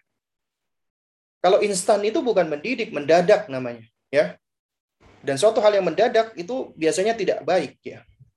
Dia biasanya menyebabkan shock, kaget dan semisalnya. Kemudian ada enam elemen elemen hikmah. Ya, ini merupakan juga bagian dari konsep ilmiah ya. Yaitu ketika kita hendak melakukan sesuatu yang pertama kali mendasar harus kita jawab di dalam diri kita adalah why, kenapa? Kenapa kita menyampaikan hal ini? Kenapa kita melakukan hal ini? Ini mengharuskan kita harus tahu nih, kenapanya dulu, ya. Berarti kita harus punya alasan. Kita berarti harus punya uh, sesuatu yang melatar belakangi dan mendorong kita melakukan hal tersebut. Ya, dan juga ini bagian dari kita memperhatikan tendensi kita, niatan kita apa di situ. Ya. Baru setelah itu setelah kita bisa menjawab kenapanya, baru kemudian mother, what, apa yang kita lakukan? Sudahkah kita memiliki ilmunya? Sudahkah kita memiliki argumentasinya, hujahnya, dalilnya? Kemudian who atau whom, ya, siapa yang akan melakukannya atau menyampaikannya dan liman kepada siapa kita akan melakukannya. Kenapa? Karena ini bagian dari hikmah. Kita harus mengetahui ya objek dari anak didik kita. Karena di apa di antara ya uh, hikmah di dalam mendidik dan juga berdakwah, kita harus mengetahui tentang ahwalul mad'uin, kondisi objek dakwah kita. Dalam hal ini juga ahwalu apa namanya? mutarabbiin. Kita harus tahu bagaimana kondisi anak didik kita. Karena setiap anak didik kita itu memiliki setiap anak kita memiliki kondisi berbeda-beda. Di antara yang perlu kita perhatikan adalah dari fase usianya. Kita harus ngerti fase usia. Karena para ulama ketika mengklasifikasikan usia, pada anak itu bukan cuma sekedar taksim, bukan sekedar pengklasifikasian tanpa ada gunanya, tanpa ada maksudnya. Ketika mereka melakukan pengklasifikasian, itu karena ada karakter, ada sifat yang unik pada fase tersebut yang harus diketahui sehingga kita bisa melakukan pendekatan yang berbeda antara satu fase dengan fase yang lainnya. Contoh misalnya, fase Sibian, fase bayi 0 sampai 2 tahun, ya. Ya, fase Sibian. Nah, mohon maaf ya, ini mau ambil tes dulu sebentar. Baterainya mau habis. Nah, nah. ya fase Sibian 0 sampai 2 tahun. Bayi. Ya, kemudian ada fase gulam ya atau fase tufulah 2 sampai 7 tahun. Kemudian ada fase yafi atau mumayyiz ya 7 sampai 10 tahun. Kemudian ada fase hazawar ya. Fase uh, murahik ya 10 sampai 14 atau sampai sampai balik. Nah, ketika para ahli atau para ulama melakukan pembagian seperti ini, itu karena ada sesuatunya di situ. Di antaranya adalah karena ada karakteristik, ada sifat yang berbeda-beda tiap fase. Nah, kewajiban kita mengetahui tiap-tiap fase tersebut berikut karakteristiknya sehingga kita bisa melakukan pendekatan yang sesuai.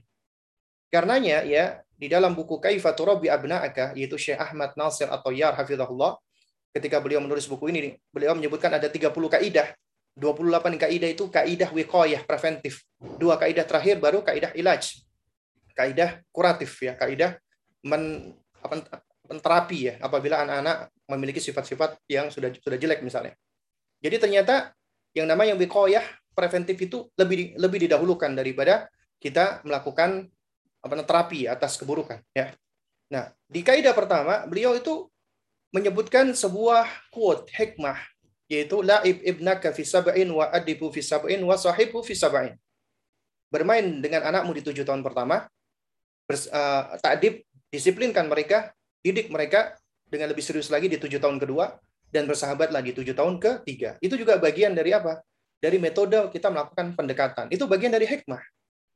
Kemudian juga when, mata, kapan kita melakukannya, where, aina, di mana kita melakukannya. Itu juga penting. Baru kemudian how, bimadha. Bagaimana caranya? Bagaimana metodenya? Bagaimana tekniknya? Bagaimana prakteknya? Nah, ini juga hal-hal yang patut untuk kita apa namanya pertimbangkan agar kita bisa berbuat hikmah. Ingat ya jamaah sekalian. Ya, Luqman alaihissalam itu Allah jadikan sebagai contoh potret kita. Ya, Allah Allah abadikan beliau di dalam Al-Qur'an sebagai ya sosok yang bisa memberikan kita ya ilmu di dalam mendidik anak kita karena Allah telah berikan kepada beliau sesuatu yang istimewa apa? Yaitu hikmah, ya. Allah berikan kepada Luqman alaihissalam hikmah, ya. Ya. Walaqad ataina Luqman al-hikmata anishkur lillah dan sungguh kami telah karuniakan kepada hikmah, apa Luqman itu hikmah. Nah, jadi di sini tentang tiga rukun hikmah tadi, kalau kita kaitkan dengan menumbuhkan kejujuran, ya, yang pertama berarti kita harus punya ilmunya. Jadi ilmu tentang kejujuran tersebut. Berarti kita harus ajarkan betapa butuhnya kita dengan jujur. Artinya kejujuran itu bukanlah apa namanya sekedar tuntutan, kita dituntut untuk jujur. Kita diperintah untuk jujur, bukan sekedar itu, tapi kita butuh untuk jujur. Kenapa kita butuh untuk jujur? Karena dengan kejujuran itulah kita akan mendapatkan ketenangan. Dengan kejujuran itulah kita akan bisa dekat dengan Allah Subhanahu wa taala. Dengan kejujuran itulah kita akan dicintai oleh Allah. Dengan kejujuran itulah kita akan mendapatkan mendapatkan balasan dari Allah berupa surganya dan seterusnya. Berarti kita butuh dengan hal ini gitu loh. Karena sejatinya kita fakir, kita lemah, kita butuh dengan Allah. Kita butuh agar kita bisa dekat dengan Allah. Dan di antara sarana yang bisa mendekatkan kita dengan Allah, di antaranya adalah dengan kita berbuat jujur. Terutama jujur kepada Allah. Maka kita ajarkan tentang betapa butuhnya kita dengan jujur. Urgensinya, pentingnya kita berbuat jujur. Dan value atau nilai daripada kejujuran. Ya, Kemudian ajarkan tentang jeleknya dusta, bohong atau khianat. Betapa Allah membencinya. Rasulullah tidak menyukainya. Manusia pun juga nggak suka dengan orang-orang yang pendusta ataupun berbohong. Ya. Jadi umumnya manusia secara fitrah akan mencintai kejujuran. Gak suka dengan kebohongan, dengan kedustaan. Ya. Maka ajarkan betapa buruknya, jeleknya kebohongan dan kedustaan tersebut. Dan kemudian ajarkan pula keutamaannya, kemuliaan, manfaat daripada jujur. Nah itu Berarti ini semua apa membutuhkan kita ilmu, ya. Dan juga kemudian ilmu di sini, ya. Itu kesantunan. Kita sampaikan dengan cara arifku wal walin. Ajarkan ini semua dengan cara yang santun, lemah lembut. Ya, tidak sekedar cuma nyuruh, merintah, memberi ancaman, memberikan label, apa memberikan hukuman. Ketika tahu anak bohong langsung kamu dasar pembohong atau langsung dihukum. Tidak seperti itu ya jemaah sekalian. Harus diawali dulu. Kenapa? Karena ada step-stepnya yang nanti yang, yang nanti akan kita bahas ya di, di apa di dalam bab ketika ya bagaimana apa di dalam bab ketika mendidik anak dengan dengan dengan apa dengan reward and punishment ya. Baru kemudian anatu itu harus tenang tidak tergesa-gesa. Artinya ajarkan segala sesuatu itu secara bertahap, sedikit demi sedikit, nggak sekaligus, nggak instan. Dan jangan pernah mengharap semuanya itu langsung bisa merubah anak kita atau dikuasai oleh anak kita atau dipahami oleh anak kita secara instan tidak. Namanya pendidikan tarbiyah itu kalau kita lihat dari yang diterangkan oleh para ulama yang namanya tarbiyah itu sebenarnya akar katanya sama dengan rob yaitu apa? Yaitu insya usyai halan fahalan ila hadid tamam. Ya, yaitu menghantarkan sesuatu sampai ke tingkat optimalnya sedikit demi sedikit tahapan demi tahapan ya atau tabligu syai ya syai'an fa syai'an ya ila kamalihi. Mengantarkan sesuatu sedikit demi sedikit sampai kepada kesempurnaannya. Ya. Nah, lalu kemudian yang gak kalah penting adalah mendidik dengan uswa, dengan qudwa, dengan keteladanan. Makanya ya awali kejujuran dari diri kita sebagai orang tua. Ku anfusakum jagalah diri kalian. Berarti nabda'u bi anfusina. Kita mulai dari diri kita. Memulai dari diri kita itu akan menghantarkan kita menjadi teladan buat anak kita. Dan pendidikan yang paling efektif adalah dengan keteladanan. Ya, makanya dikatakan oleh para ulama, ulama ahli pendidikan, ya, dikatakan bahwasanya al uswatul hasana anfa'u wa ablahu min alafil mawa'id. Ya. Satu teladan yang baik itu jauh lebih efektif, jauh lebih bermanfaat daripada ribuan nasihat. Ya, karena anak-anak itu lebih cenderung untuk melihat apa untuk uh, maksudnya untuk mencontoh apa yang mereka lihat daripada sekedar yang mereka dengarkan. Ya. Nah, oleh karena itu makanya awali kejujuran dari diri kita sebagai orang tua. Kemudian pentingnya kerjasama suami istri dalam menjaga keharmonisan dan kekompakan. Kenapa?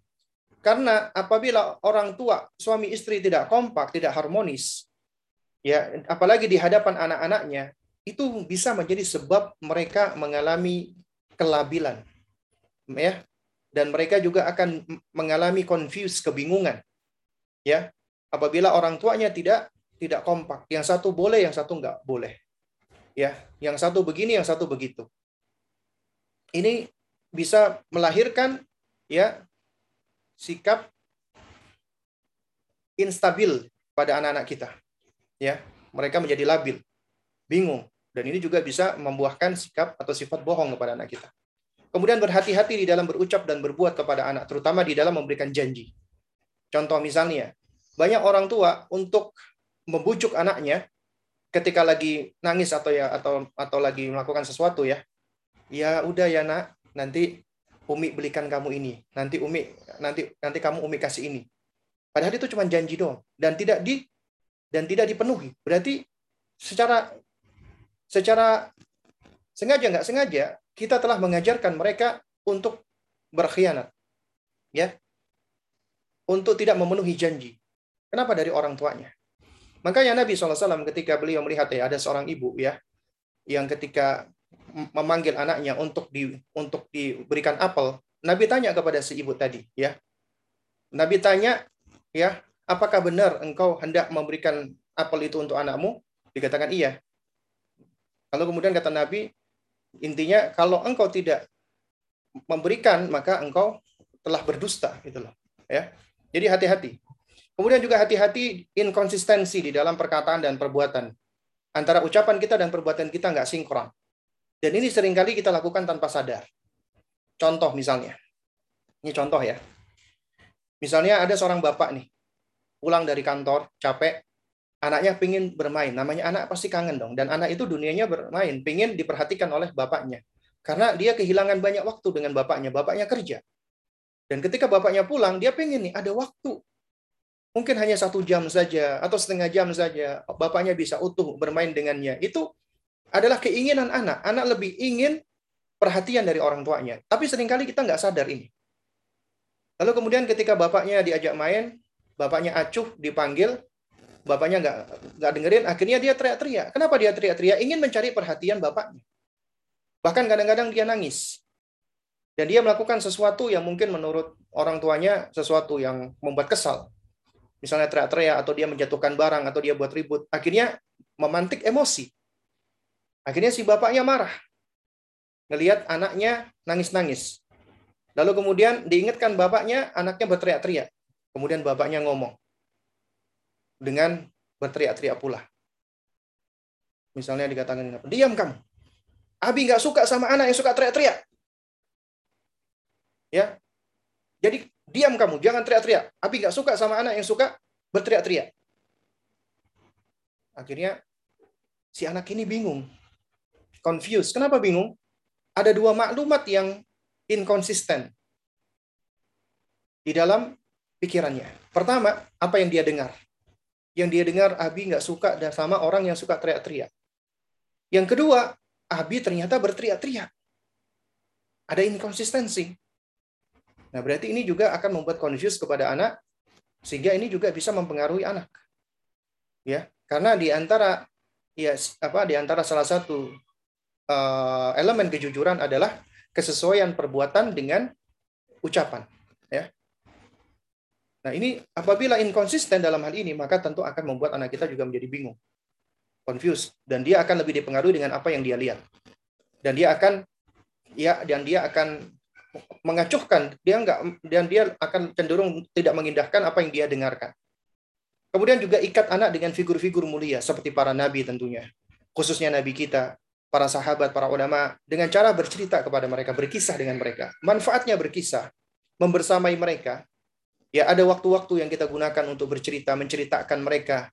Ya, misalnya dengan buku, kita berikan mereka buku, kemudian kita bacakan atau kita misalnya belajar tentang sirah nabawiyah, kemudian kita ceritakan ya dengan bahasa kita ya uh, di waktu-waktu itu luar biasa manfaatnya. Akan mengikat bonding, attachment antara kita dengan anak kita dan juga akan mengaitkan ya bonding atau attachment anak kita dengan sosok atau figur yang kita ceritakan. Jangan meremehkan ya hal-hal yang mungkin untuk sebagian orang tampak apa sepele, tapi ini dampaknya luar biasa. ya, ketika Anda punya waktu untuk bercerita ataupun berkisah dengan anak-anak Anda. Dan ketika Anda bercerita berkisah, nggak harus Anda mengikuti gayanya Kak, Kak Fulan dan Kak Fulan ketika bisa bercerita pada anak-anak. Enggak, enggak harus seperti itu. Anda ceritakan dengan gaya bahasa sendiri.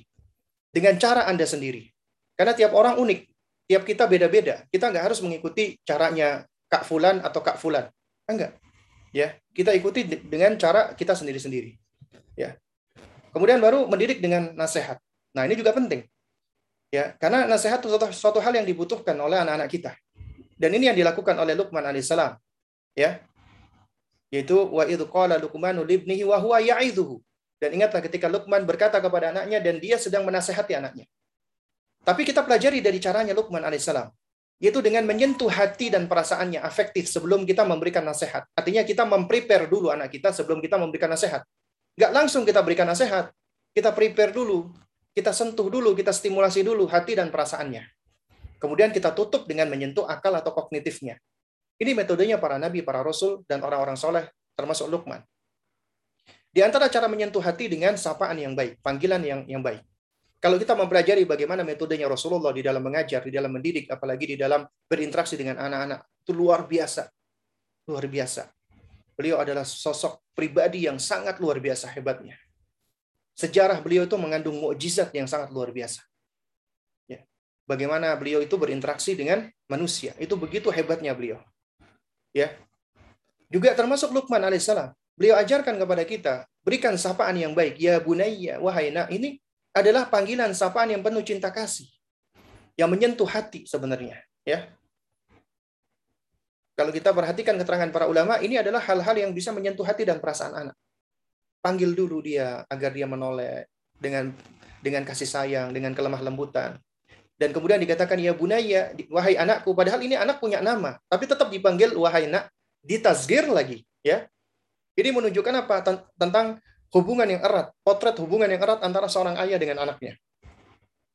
Seakan-akan tidak ingin melupakan hubungan antara ayah dan anak.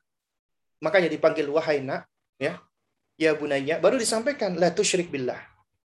Kemudian nggak selesai sampai di situ, diberikan taklil argumentasinya. Kenapa jangan menyekutukan Allah? Inna syirka la zulmun azim.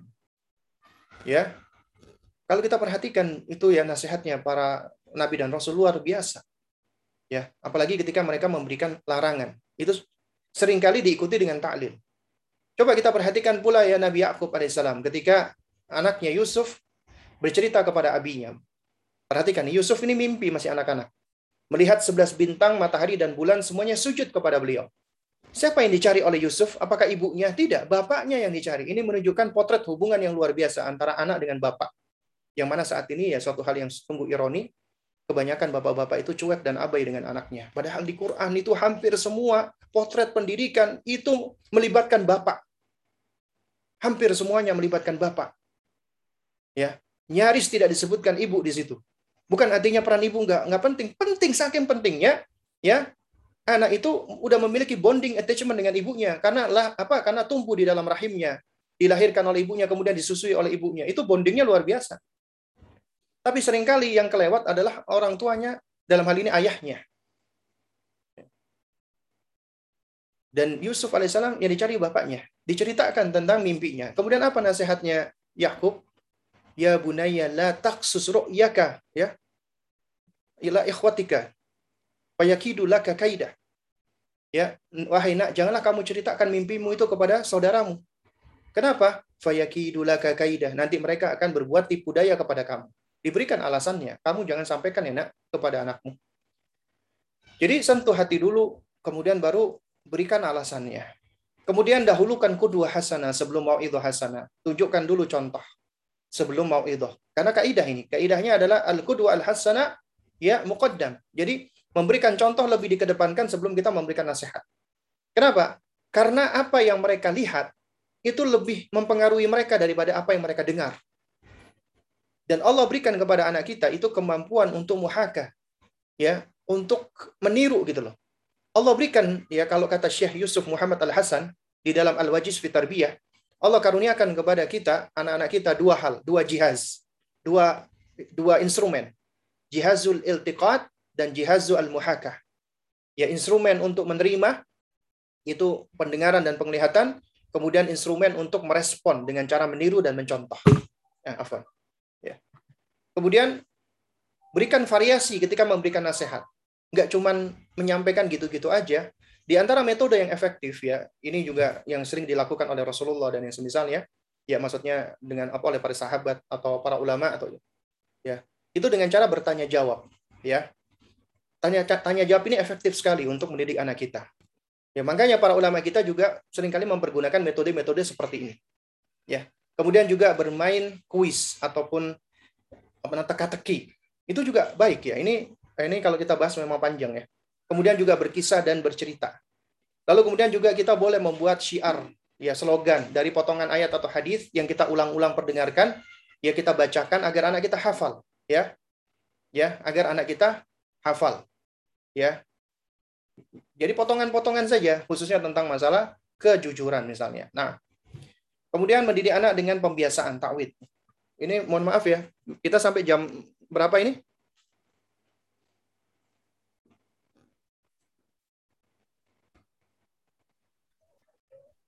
supaya bisa memperkirakan waktu? Jam, sampai jam 11 Ustaz. Oh, sampai jam 11 itu udah include udah include udah include tanya jawabnya. Ya, include pertanyaan dan kuis. Oh, bahasa saja. Oh, baik ya. Baik ini karena udah pukul 10.37 ya. Jadi karena waktu ya. jadi saya akan lebih persingkat lagi. Kemudian mendidik anak dengan pembiasan atau takwid. Karena kita tahu ya, anak akan tumbuh sesuai dengan kebiasaan yang dibiasakan kepadanya. Ya, ini yang juga di, yang, yang diutarakan oleh Abu Hamid Al Ghazali rahimahullah taala. Ya, fa'in uwida alal khair ya apabila anak itu dibiasakan berada di atas kebaikan maka dia akan tumbuh di atas kebaikan tersebut demikian pula apabila dibiasakan di atas keburukan maka dia akan tumbuh di atas keburukan tersebut karena itu namanya takwid penting, membiasakan anak di atas kebaikan. Tapi perhatikan, kunci di dalam melakukan takwid itu bukan cuma sekedar memberikan instruksi dan memberikan contoh, tidak. Pertama adalah tumbuhkan dulu kecintaannya dia, tahbibuhum ilaihi. Jadikan mereka cinta dengan hal yang kita ajarkan tersebut. Karena mahabbah adalah mesin penggerak utama. Jadikan misalnya Anda ingin anak Anda terbiasa belajar, maka jadikan dia mencintai belajar. Anda ingin membiasakan anak Anda untuk beradab. Misalnya untuk uh, misalnya Anda ingin membiasakan anak Anda untuk zikir pagi dan petang, maka jadikan dia cinta dengan zikir tersebut. Anda ingin membiasakan anak Anda untuk sholat, maka jadikan dia cinta dengan sholat. Anda ingin membiasakan anak Anda untuk berhijab, maka jadikan dia cinta dengan hijab. Itu kunci pertama. Ya, jadikan dia senang dulu dengan hal tersebut. Ya. Lalu kemudian ya di dalam melakukan pembiasaan, ya juga di antaranya kita membiasakan adab, maka pilih yang paling penting terlebih dahulu. Apa namanya yang paling prioritas dulu. Ya, jadi tidak semuanya langsung diajarkan dalam satu waktu. Pilihkan dulu yang paling apa namanya prioritas. Kemudian ajarkan sedikit demi sedikit, kalilan kalilan sampai dia terbiasa ya dan dia bisa mengikutinya baru berpindah ke yang berikutnya. Misalnya, kita ajarkan mulai dari adab bangun tidur. Ya, kan ada bangun tidur apa sih yang harus dilakukan yang yang, yang pertama kali misalnya kita ajarkan misalnya mulai dari dia bertahmid, membaca doa. Kita ajarkan kita talkin berulang-ulang sampai dia terbiasa ya. Baru kemudian ke yang berikutnya. Nah, kemudian harus dilakukan tadarus step by step. Nggak instan, nggak langsung sekaligus ya. Kemudian harus ada tikror ya, mengulang-ulang. Itu penting, ulang-ulang itu. Sampai itu membangun kebiasaan dan membentuk kebiasaan. Kemudian istimror terus-menerus ya. Jadi bukan cuman sepekan, sebulan, tapi harus dilakukan istimror. Karena istimror itulah yang akan membangun ya adah atau kebiasaan tersebut. Nah, kemudian mendidik dengan aturan dan atensi. Nidom wa wal ihtimam. Ingat ya, kalau kita cuma mendidik anak dengan memberikan aturan saja, tidak memberikan atensi, tidak memberikan ihtimam, anak akan menjadi pemberontak. Atau bahkan dia akan merasa tertekan. Sehingga dia menjadi sosok yang menutup diri. Ya, ini orang tua yang yang tiran ya. Cuman kasih aturan doang atau orang tua yang cuma memberikan atensi tidak tidak diberikan aturan. Ini orang tua yang terlalu memanjakan, yang permisif. Akhirnya anak nggak tahu aturan, chaos, berantakan, kacau, dan memiliki ketergantungan yang tinggi kepada orang tuanya. Yang benar kita harus berikan keduanya ini sekaligus, aturan dan atensi, agar membangun kedisiplinan, tanggung jawab, dan respect. Ya. Nah, saat membuat aturan, libatkan anak, sertakan. Kenapa? Jangan Anda membuat aturan, Anda putuskan sendiri. Mentang-mentang kita orang tua Libatkan anak, ajak mereka. Karena ini bagian dari rutinitas yang akan mereka lalui. Ini manfaatnya, pertama, anak akan belajar mengungkapkan keinginan dia, kemauan dia, perasaan dia, pendapat dia. Itu bagus. Umi, aku pengen gini mi, Umi aku mau ini mi. Itu bagus, dia bisa mengungkapkan keinginannya. Tapi dia harus belajar, tidak semua keinginannya itu dipenuhi. Makanya anak belajar bernegosiasi. Ini life skill ini. Ya, life skill. Bernegosiasi itu bagian dari life skill yang perlu kita tumbuhkan kepada anak kita. Dia belajar bernegosiasi dan belajar bersepakat, menyepakati sesuatu. Kemudian setelah itu anak akan belajar berkomitmen, bertanggung jawab dan konsisten dengan apa yang telah dia sepakati. Kemudian anak juga belajar konsekuensi, dampak dan implikasi apabila dia melanggar atau dia tidak mematuhi. Dia harus belajar nih konsekuensi-konsekuensinya. Dan anak juga harus belajar mengalah dan menerima. Karena di dalam hidupnya nggak mungkin semua keinginannya kita kita penuhi. Dia harus belajar, belajar untuk mengalah, belajar menerima ya keinginannya tidak dipenuhi, belajar menerima apa namanya failure, misalnya dia gagal di dalam suatu hal. Itu bagian dari dari kehidupan yang akan dihadapi. Maka kita harus persiapkan anak-anak kita. Jangan senantiasa difasilitasi. Kemudian mendidik anak dengan motivasi dan ancaman. Ya, ini juga penting. Yaitu mendidik dengan at-targhib wa tarhib. Nah, kaidah asalnya at-targhib ya memberikan motivasi itu muqaddam lebih dikedepankan daripada at-tarhib, daripada memberikan ancaman. Ya. Ya, ini yang disebutkan oleh para ulama. Di antara dalilnya adalah berangkat dari hadis Nabi perintah untuk salat. Muru auladakum bisolati wahum abna sab'in. Perintahkan anakmu salat usia tujuh tahun. Ini targhib. Wadribuhum alaiha wahum abna'u ashrin. Pukul mereka di usia 10 tahun. Ini tarhib. Makanya tarhib lebih didahulukan daripada tarhib. Jangan salah. Dikit-dikit ngancem, dikit-dikit ngancem. Jangan. Jadi kita dahulukan dulu memberikan motivasi, dorongan dulu. Ancaman nanti belakangan. Kemudian juga ketika melakukan hal ini perhatikan usia anak. Misalnya usia tufulah, ya hindarkan ancaman-ancaman kepada mereka. Jangan terlalu banyak ngancem di usia anak-anak seperti ini. Apalagi nakut-nakuti mereka. Ya, jadi yang penting adalah kita yang melakukan pendekatan hati. Kita bersamai, kita kita kita berikan contoh ya.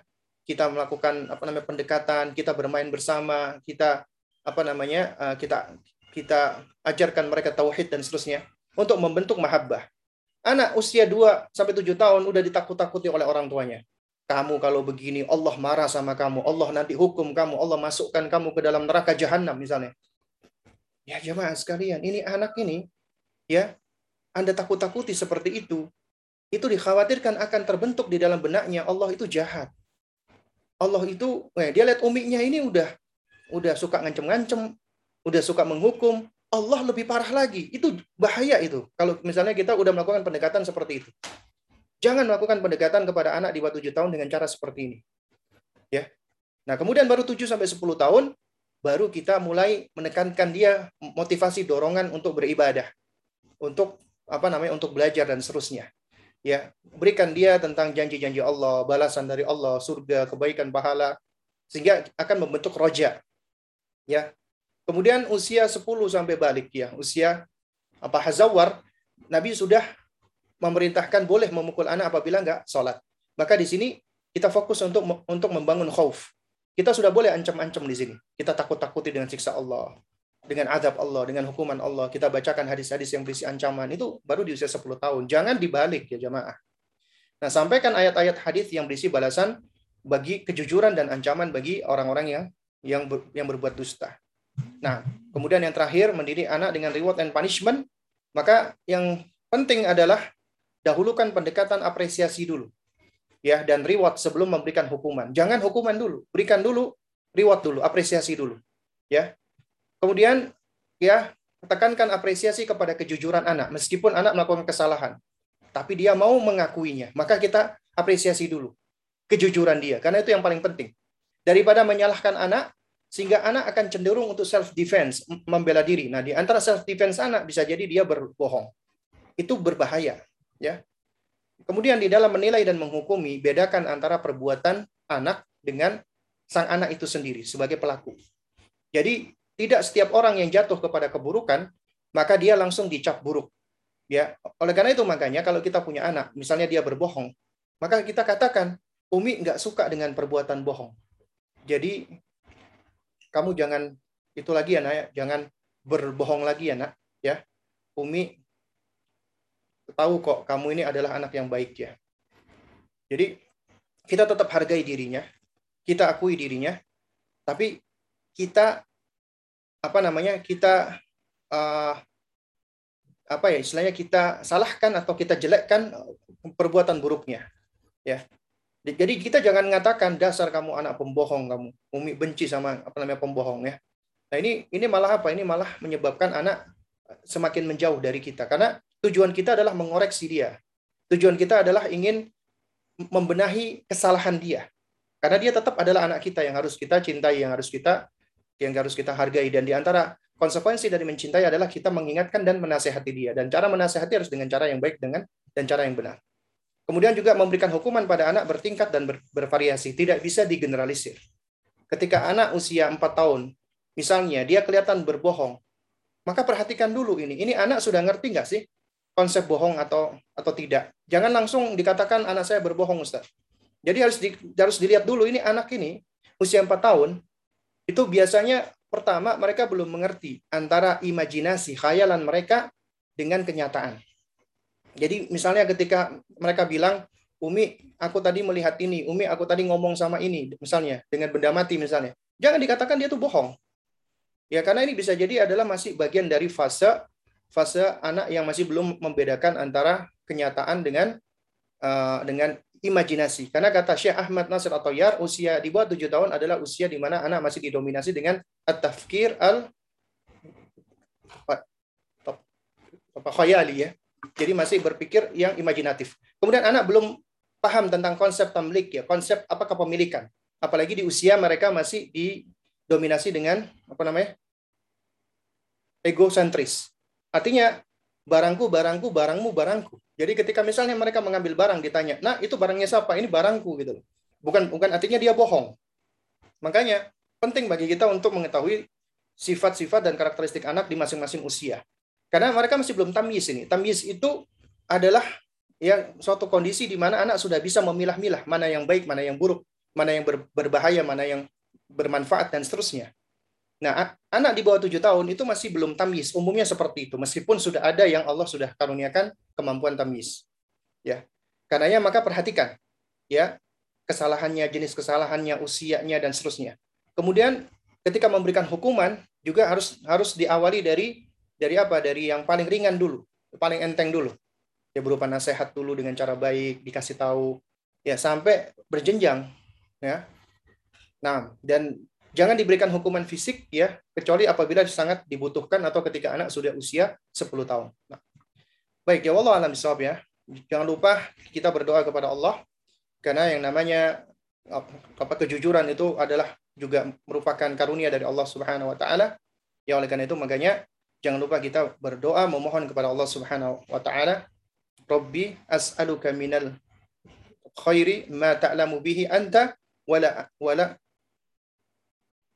a'lamu bihi ana. Wahai Rabbku, aku meminta kepadamu suatu kebaikan yang engkau ketahui dan aku tidak mengetahuinya. Wa wa'udzu bika min kulli syarrin ta'lamu bihi anta wa la a'lamu bihi ana. Dan aku berlindung kepadamu dari setiap keburukan yang engkau ketahui dan aku tidak mengetahuinya. Was'aluka tsabat was-sidqa wal iman wal amal salih. Dan aku meminta kepadamu as-sabat, kemantapan, kejujuran, keimanan dan amal saleh. Karena sesungguhnya itu semua adalah berasal dari Allah Subhanahu wa taala. Nah, Allah alam swab. Mungkin ini yang bisa saya sampaikan. Eh, berikutnya mungkin kita kuis dulu ya sebagaimana tadi uh, yang di apa? yang disampaikan oleh panitia ya. Jadi ada lima pertanyaan ya. Maka dari lima pertanyaan ini uh, saya akan akan apa namanya akan mengajukan pertanyaan. Silakan yang bagi yang bisa menjawab ya. Nanti tolong uh, yang ingin menjawab langsung menyalakan mic-nya atau yang ngetik di chat mungkin dari teman-teman panitia bisa langsung membacakannya yang sudah dulu masuk. Nanti saya yang akan uh, apa namanya yang akan istilahnya menilainya ya. Nah baik Uh, mungkin saya awali dulu dari yang yang gampang-gampang dulu ya. Ya. Nah, silakan sebutkan ya macam-macam kejujuran, macam-macam asidku. Siapa yang bisa menjawab? Ya, boleh menjawab langsung. Kalau bisa menjawab langsung, silakan. Mungkin untuk para audiens uh, dipersilahkan untuk menampilkan raise hand jika memang bisa menjawab pertanyaan dari Ustadz. Oh. Ya, nah, insya Allah nanti dapat hadiah dari panitia, ya.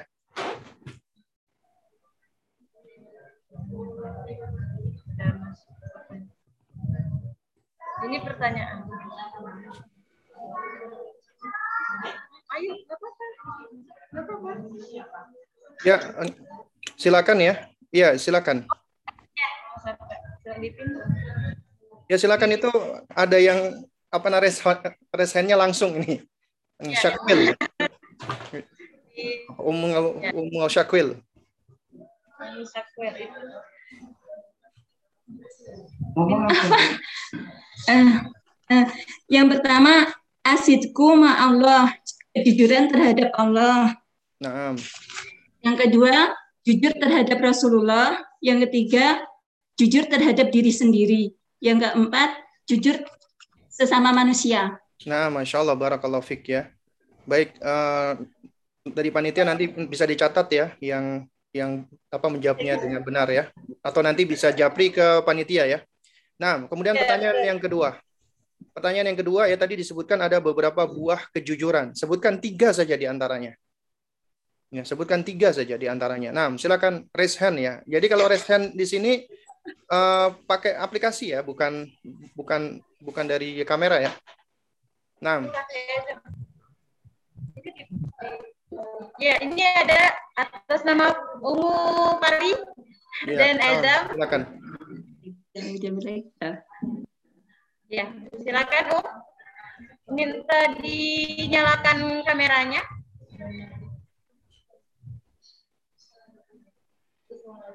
Ya, atau suaranya boleh dihidupkan, di unmute. Suaranya saja Bu yang suaranya saja Bu yang yang dibuka Bu kalau masih uh -uh. Ya. Umu Fari? Tidak bisa suaranya. Ya. Oh, ini ada... Mungkin lanjut kepada Ibu Astri Budiarti. Silahkan dijawab pertanyaan Ustaz.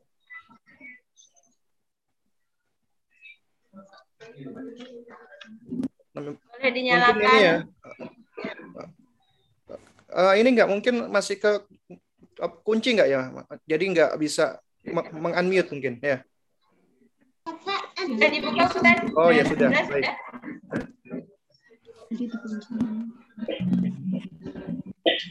Ya. Halo. Silakan ya. Kedengaran, kedengaran. Sudah kedengaran? Iya, ya, buah kejujuran yang pertama itu realisasi dari ubudiah kepada Allah. Uh, yang kedua balasan mendapat balasan yang baik. Uh, yang ketiga muraqabatullah. Yang keempat kemudian Allah bersama mereka berkahan, ketenangan dan taufik kepada husnul khatimah. Nah, masya Allah, barakallahu fik ya. Jadi diminta tiga, tapi dijawab lebih, masya Allah. Nah, nah barakallahu fik ya. Baik, uh, pertanyaan berikutnya. Tadi disebutkan ada beberapa pijakan di dalam menumbuhkan kejujuran ya. Jadi ada beberapa kaidah-kaidah atau pijakan di dalam menumbuhkan kejujuran. Sebutkan tiga saja di antaranya. Nah, silakan, press hand. Kansa. ya, Umu Kansa dipersilahkan. Itunya udah. Silakan ya. Umu Kansa. Halo. Ya. Kedengaran ya, sudah. Yang satu mendidik dengan hikmah. Hah? Ya. Ya, yang pertama mendidik dengan hikmah, mendidik dengan teladan, mendidik hmm. dengan nasihat, hmm. mendidik dengan reward and punishment, mendidik dengan pembiasaan. Nah, masya Allah ya. Jadi jadi saya minta tiga dikasih bonus lagi ya dua ya. Barakallahu ya. Nah. nah ya. Terus kemudian pertanyaan yang keempat ya. Pertanyaan yang keempat ya siapa yang masih ingat tiga rukun hikmah? Tiga rukun hikmah. Nah, silakan.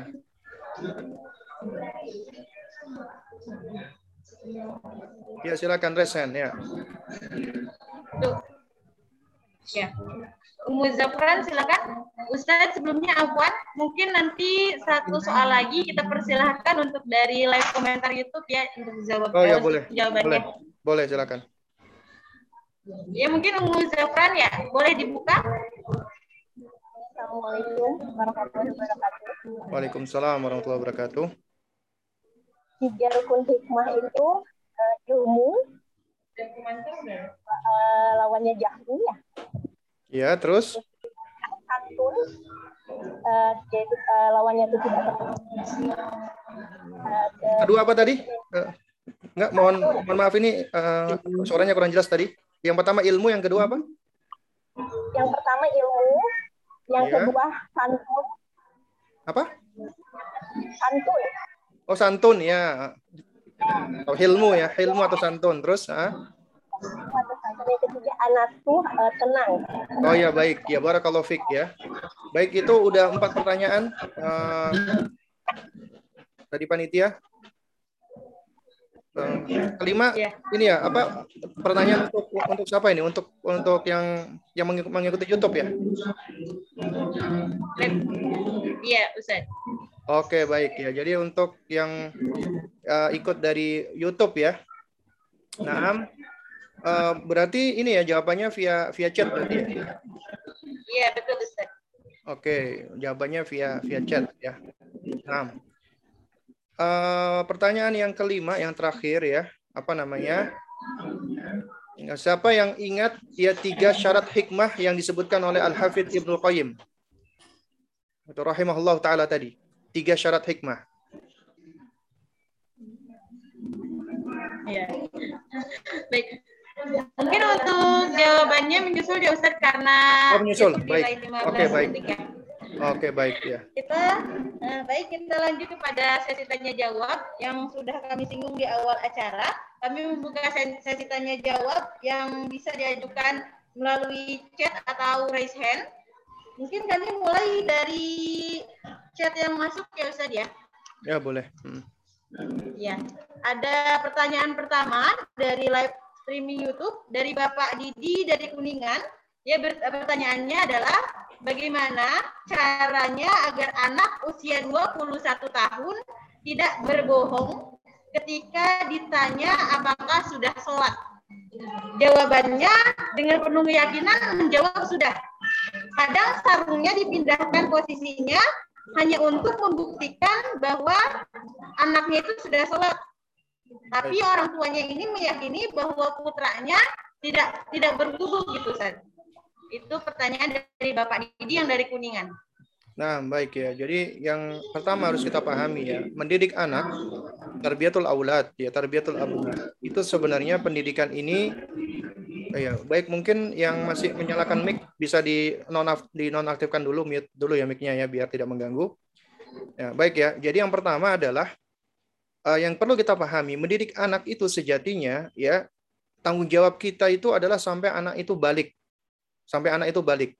Kemudian dia sudah mukallaf, maka dia sudah mengemban uh, perbuatannya atau amalnya sendiri. Artinya ketika dia sudah melakukan perbuatan dosa, maka dia sudah menanggung dosanya tersebut. Ya, karena secara umum ya, usia manusia itu terbagi menjadi dua. Ya, usia ya taklif, usia sudah balik ya, usia dia sudah mendapatkan beban syariat dan usia dia dia belum taklif ya atau usia prabalik. Pendidikan kita sejatinya adalah ketika anak masih usia pra, prabalik ya. Adapun setelah itu sebenarnya kita melakukan yang namanya nasihat ya. Jadi anak sudah sudah sudah bertanggung jawab dengan dirinya. Ya. Jadi apa yang dilakukan oleh anak sebenarnya sudah di luar dari dari tanggung jawab kita.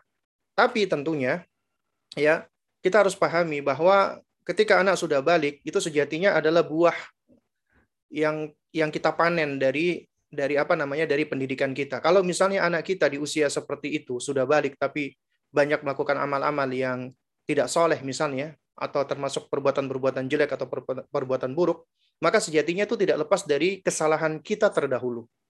Karena itu, apabila kita melihat ada hal-hal yang buruk pada anak kita, maka yang pertama kali yang kita lakukan adalah kita memohon ampun kepada Allah, beristighfar kepada Allah. Ya, kita harus melepaskan tanggungan kita dulu di hadapan Allah. Kita bertaubat dengan taubatan nasuha dengan sebenar-benarnya taubat ya kepada Allah. Kemudian yang kedua, kita berdoa agar Allah senantiasa memberikan hidayahnya untuk kita dan juga untuk anak kita dan kita terus ya mendoakan anak-anak kita. Lalu kemudian yang ketiga, kita ya memperbaiki hubungan kita dengan dengan anak kita. Diawali dengan kita meminta maaf ya. Karena kemaksiatan ataupun keburukan yang dilakukan oleh anak kita sejatinya nggak lepas dari kita sebagai orang tuanya. Karena itu ya kita awali dengan kita meminta maaf. Dan insya Allah ya sesuai dengan sebab ya yang telah Allah tentukan. Apabila kita meminta maaf dengan sebenar-benarnya ya itu itu bisa menjadi sebab yang akan uh, merobohkan barrier atau penghalang. Yang tadinya anak itu merasa uh, kurang percaya sama orang tua atau yang semisalnya dengan kita awali dengan minta maaf ya dengan uh, apa dengan permohonan maaf yang yang tulus insya Allah itu bisa menjadi sebab ya uh, apa namanya perbaikan komunikasi kemudian yang keempat kita melakukan pendekatan kepada anak kita seperti sahabat ya jadi tidak lagi seperti anak-anak. Jadi nggak lagi kita sampaikan dengan perintah-perintah dan seperti itu tidak, tapi kita ajak dia ya dengan cara yang baik. Kita bersahabat dengan dirinya. Ya. Nah, terus kemudian yang terakhir ya, nah, yang terakhir ya itu yaitu kita apa namanya tetap ya. Terus terus jika anak kita itu masih bersama kita ya atau masih masih terus berinteraksi dengan kita maka kita terus ya berupaya untuk memberikan nasihat dengan cara yang baik ya kepada anak kita. Kita ingatkan dia untuk sholat dan semisalnya dan kewajiban kita cuma menyampaikan saja adapun selebihnya kita serahkan kepada Allah Subhanahu wa taala nah wallahu alam bisawab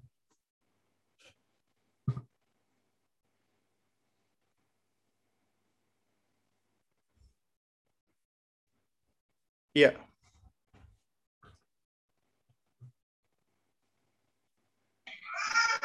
Ah, ya, baik. Apa Ustaz?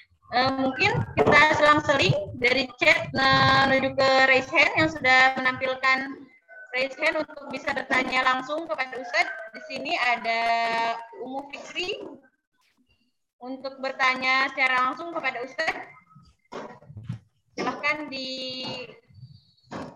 on kamera atau mikrofonnya di unmute.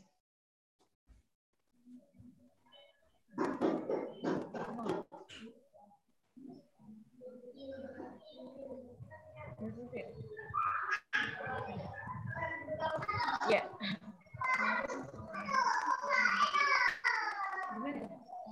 Ya, baik. Mungkin Allah belum ada respon. Kita lanjutkan ke via chat terlebih dahulu. Di sini ada pertanyaan dari Umu Ihsan. Uh, Bismillah Ustaz, An anak saya ada tiga. Yang pertama usia tujuh tahun, lalu enam tahun, lalu dua puluh bulan. Saya sering memukul bahkan berteriak-teriak ketika anak melakukan kesalahan. Saya sering menyesal, tapi sering terulang lagi. Saya ber, sering berdoa kepada Allah agar melembutkan hati saya dan menghindarkan saya dari sikap buruk ini.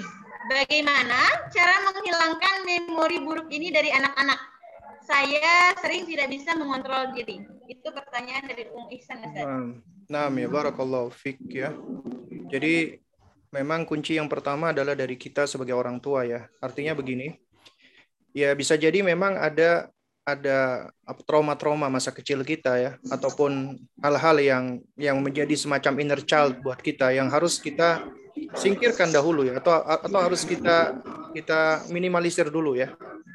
Apa namanya uh, sifat-sifat apa tersebut ya. Dan ini adalah akan sulit bagi kita untuk melakukannya apabila kita nggak nggak belajar. Di antara yang yang harus kita pelajari adalah kita berusaha untuk lebih mengenal diri kita. Dan untuk mengenal diri kita itu kunci utamanya adalah kita belajar dari dari apa namanya dari tauhid ya. Kita belajar akidah ya. Karena konsepsinya adalah man arafa rabbahu arafa nafsahu. Siapa yang semakin mengenal Robnya dia akan semakin mengenal dirinya. Betapa dirinya lemah butuh pertolongan Allah Subhanahu wa taala ya bahwasanya kita ini adalah makhluk yang Allah ciptakan, kita lemah, kita dhaif, kita fakir, kita butuh pertolongan Allah. Semua yang ada pada pada diri kita adalah milik Allah di bawah kekuasaan Allah. Ya sehingga kita senantiasa butuh untuk beristianah meminta tolong kepada Allah Subhanahu wa taala. Kita butuh untuk selalu takarub kepada Allah dan ingat ya manakala kita selalu berupaya untuk mendekatkan diri kepada Allah Subhanahu wa taala, ya selalu mengingat Allah, berzikir Allah itu akan memberikan ketenangan. Ya. Jadi intinya ya kita berupaya bermujahadah ya. Ber, bermujahadatun nafs ya. khususnya di waktu-waktu ketika kita lagi bersendirian anak kita lagi tidur misalnya ya lalu kemudian kita belum tidur maka gunakan waktu itu yang kita sebut me time itu untuk banyak beribadah kepada Allah. Banyak berdoa banyak berzikir ya banyak tilawatul Quran ya ataupun kita belajar menuntut ilmu ya.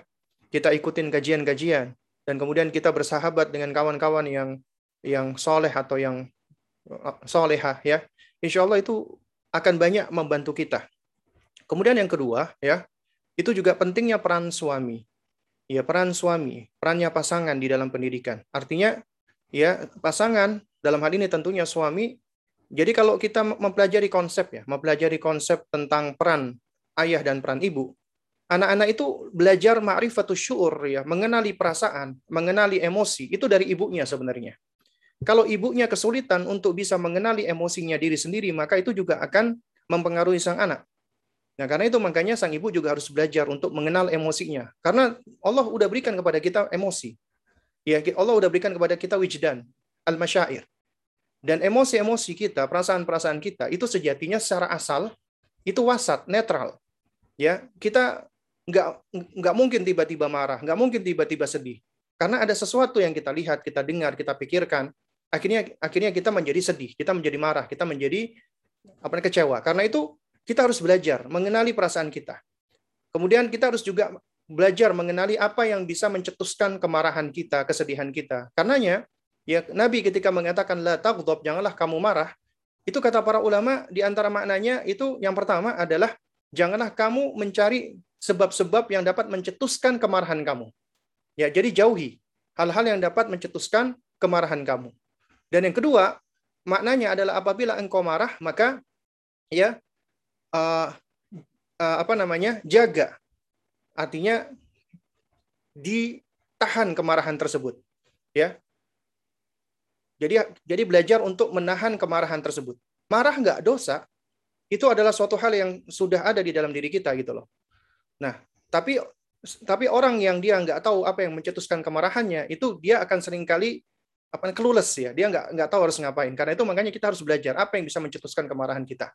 Worth it nggak sih hal itu menyebabkan kita marah? Lalu kemudian ketika kita marah kita harus belajar untuk mengendalikannya. Ya. Dan ini adalah ya apa namanya perbuatan yang dipuji oleh Allah Subhanahu wa taala. Disebut dengan apa? Apa namanya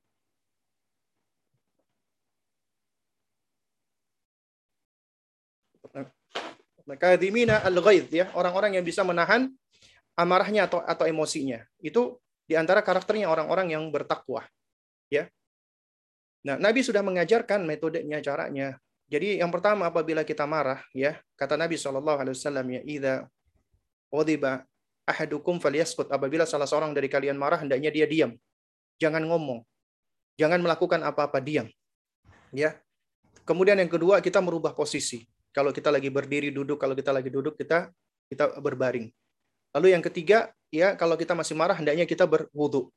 Intinya kita menjauh dulu ketika kita lagi emosi. Kita turunkan dulu tensi emosi kita, ya, yaitu dengan melakukan hal-hal yang diajurkan oleh Rasulullah. Nah, di antaranya juga kita mencari apa ketenangan dengan berzikir, bertawud juga memohon perlindungan kepada Allah karena syaitan biasanya akan masuk.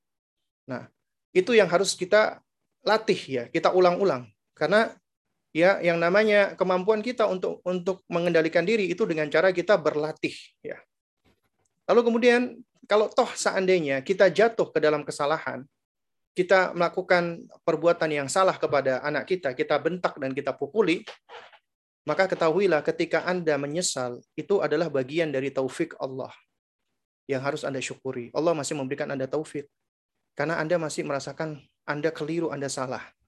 Tinggal sekarang bagaimana kita melangkah berikutnya. Bagaimana caranya kita melangkah? Pertama, ketika kita memukul anak kita, kita sadar kita salah, kita segera memohon ampun kepada Allah.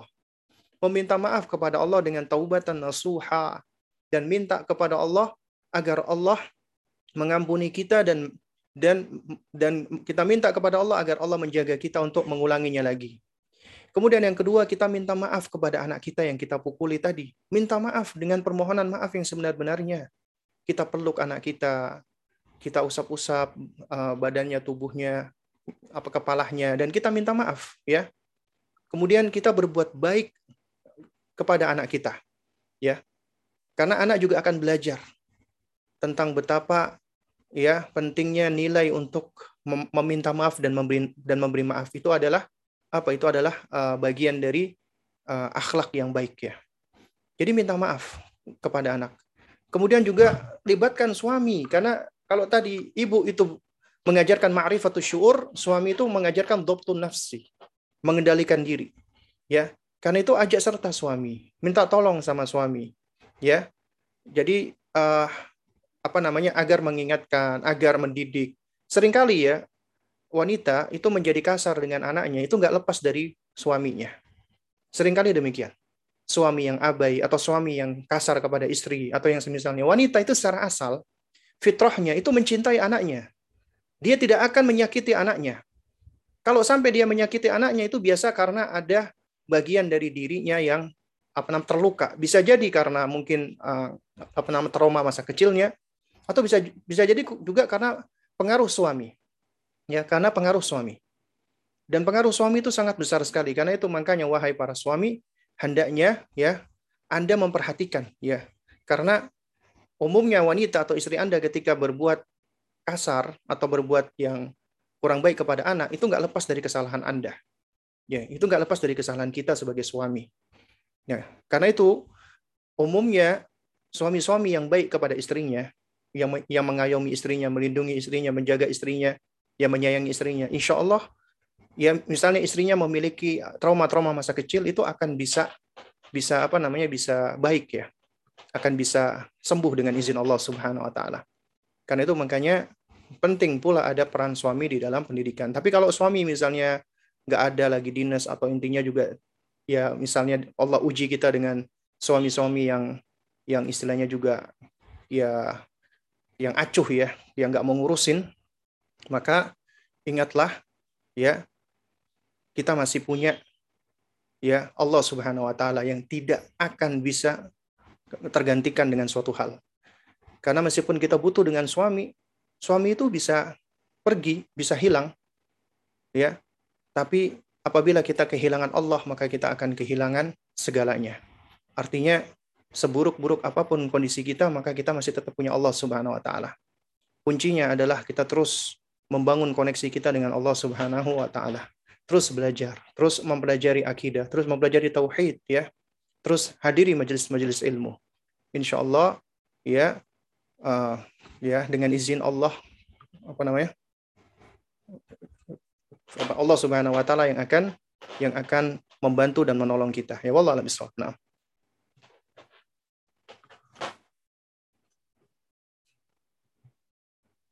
Alhamdulillah, barakallahu fiik. Uh, apa masih bisa dia juga pertanyaan lagi, Ustaz? Ya. Silakan, ini masih masih belum zuhur di sini. Oh, iya, baik. Uh, mungkin kita dahulu, uh, lanjut kepada yang sudah raise hand untuk bertanya. Silakan kepada Umu Arsila, boleh mengajukan pertanyaan langsung kepada Ustaz. Assalamualaikum warahmatullahi wabarakatuh, Ustaz. Waalaikumsalam warahmatullahi wabarakatuh.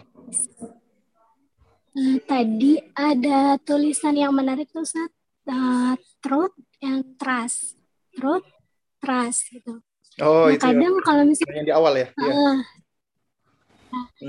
Kadang nih kalau saya saya pulang bepergian safar sama suami, saya tinggal anak terus pulang saya bilang kak udah sholat belum gitu. Udah. Kadang belum puas kalau dengan hanya satu kali benar udah. Kak benar udah. Saya tuh suka tanya gitu. Terus uh, suami bilang kalau anaknya udah bilang udah udah kita harus percaya gitu. Tapi kadang suka was was jadi tanya terus benarnya ianya itu benar sudah atau belum? gitu. Nah di situ maksudnya apakah salah satu kiat menumbuhkan kepercayaan apa kejujuran pada anak dengan anak bilang kita harus percaya gitu Ustaz? Atau kita masih harus cari tahu kebenarannya lagi? Bagaimana Ustaz? Nah, baik ya. Jadi uh, ini sebenarnya uh, butuh beberapa perincian ya. Karena tentunya setiap kondisi ya, setiap anak juga punya sifat karakter berbeda-beda dan yang paling tahu adalah orang tuanya ya. Dan tiap orang tua juga beda-beda ya punya sifat dan karakter yang berbeda-beda.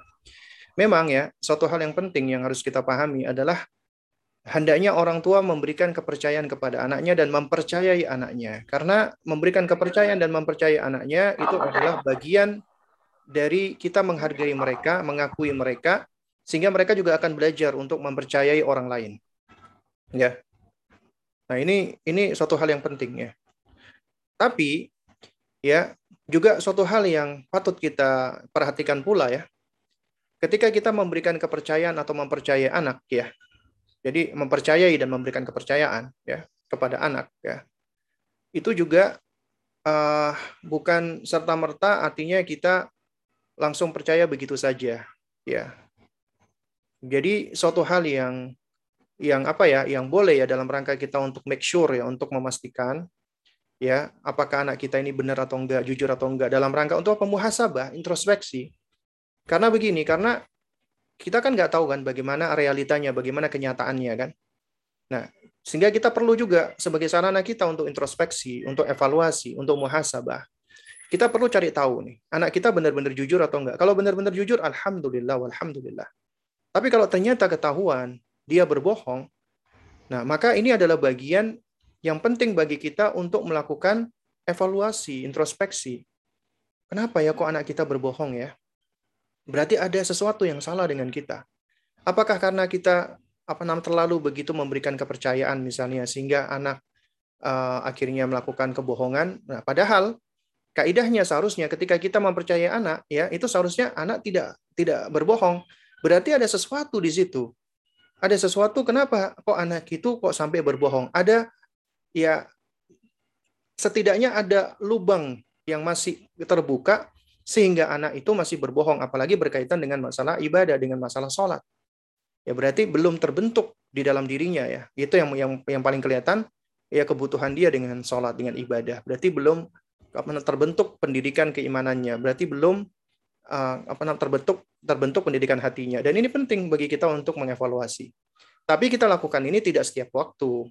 Jadi sesekali kita boleh-boleh saja. Kita coba untuk untuk mengcross check untuk melihat ya apakah benar atau enggak ya. Itu misalnya bisa dengan dengan beberapa cara. Misalnya kita di rumah memasang apa namanya kita pasang uh, webcam misalnya ya untuk untuk ngecek apakah benar-benar sholat atau tidak.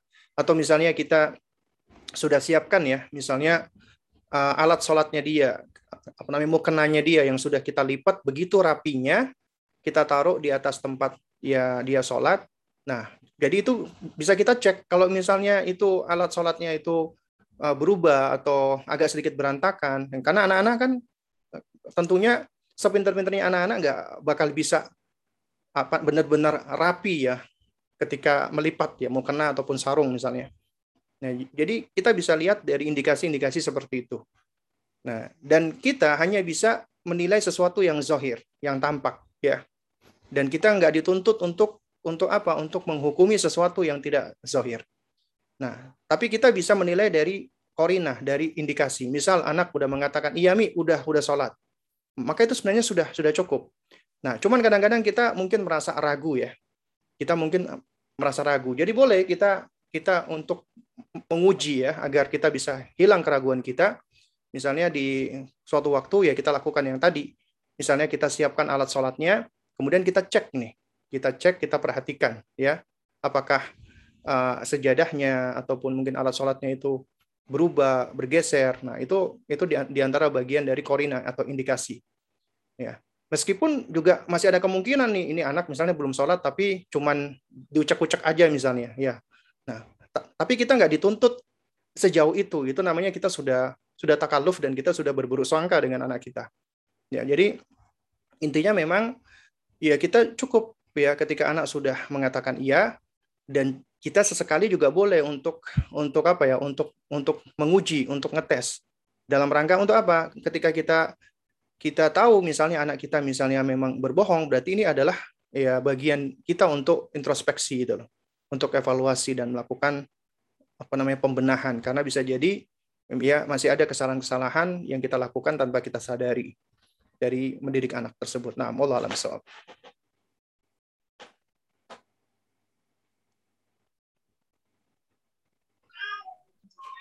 Ya, uh, baik Ustadz. Ini lanjut ada pertanyaan dari lab komentar di streaming YouTube atas nama akun Rizka Maulidia Putri.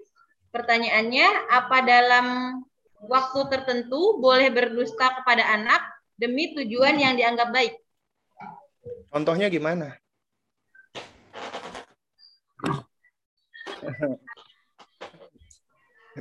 soalnya gini ya, soalnya ada orang tua memang mengatakan ya kita berbohong dengan tujuan baik ya kan. Sekarang permasalahannya adalah ya seperti apa berbohong dengan tujuan baik itu seperti apa? Karena karena ya kalau kita perhatikan ya itu semua kebohongan itu jelek kecuali yang dikecualikan oleh Rasulullah Shallallahu Alaihi Wasallam. Misalnya dalam rangka untuk islah ya di antara dua orang yang sedang berantem misalnya yang sedang berselisih atau misalnya berbohong dalam rangka untuk mengambil hati istri. Itu itu itu di antara yang diperbolehkan ya. Ya. Apa namanya uh, untuk yang seperti itu. Adapun selain itu nggak diperbolehkan. Atau yang juga yang diperbolehkan ya ya istilahnya bukan dusta sebenarnya ya. Apa namanya uh, ya intinya begini loh. Intinya ya uh, semua bentuk kedustaan hendaknya kita hindarkan gitu loh karena kalau dikatakan misalnya ada berdusta untuk tujuan yang baik, contohnya seperti apa gitu loh. Jadi ini harus kita lihat per kasus. Ya, kita harus lihat gambarannya seperti apa gitu loh. Karena ya al-hukmu apa namanya? ala syai'in yang menghukumi sesuatu itu adalah far'un an tasawwurihi. Jadi menghukumi sesuatu itu merupakan cabang dari gambaran realitanya. Anda berbohong seperti apa? Ya, kemudian apa tujuan Anda ketika ber, berbohong seperti itu? Ya, padahal ya kita kembali kepada kaidah asal kita ingin menumbuhkan kejujuran, menumbuhkan kejujuran adalah tidak dengan cara kita berbohong, gitu loh. Meskipun dengan niat-niat yang baik. Karena niat yang baik itu nggak cukup untuk menjadikan amalan kita itu baik.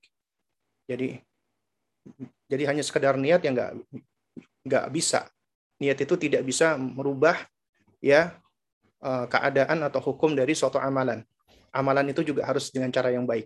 Niat yang baik harus disertai dengan perbuatan yang baik. Nah, wallah alam soal.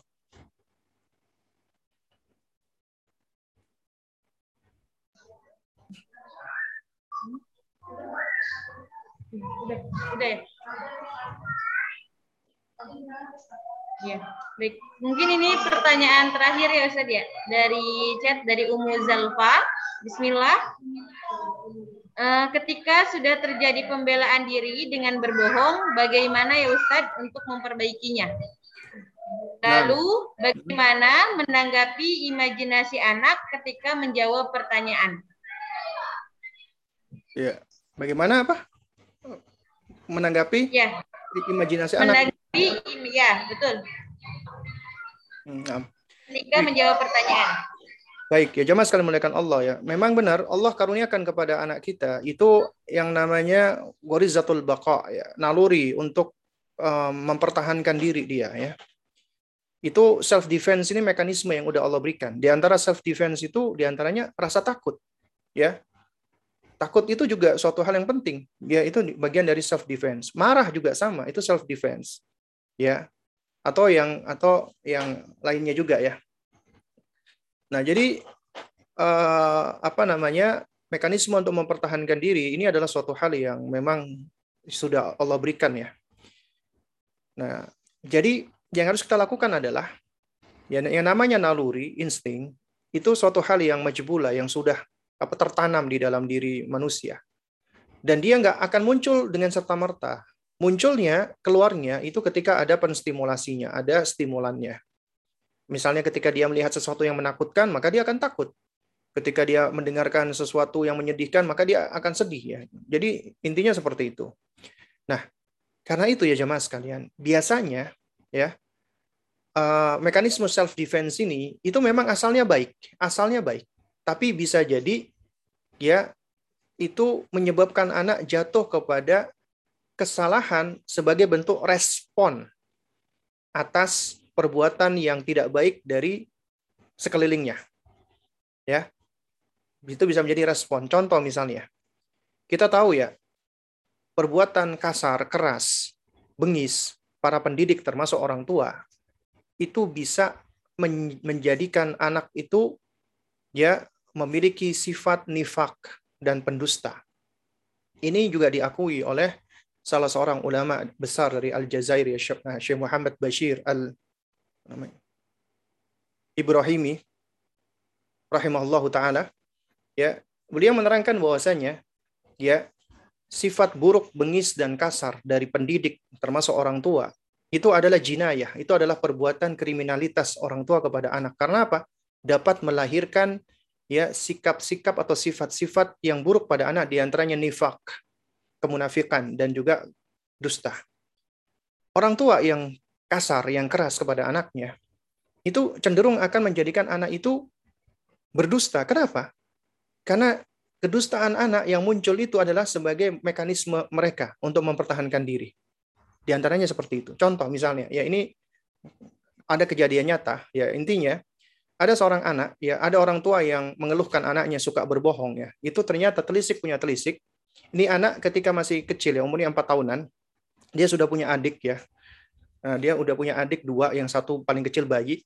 Tentunya ibunya kan ah, sangat repot ya. Dan ibunya ini adalah sosok ibu yang yang keras, suka ngomel dan lain sebagainya ya. Anak kakaknya ini apalagi ini sering diomelin nih.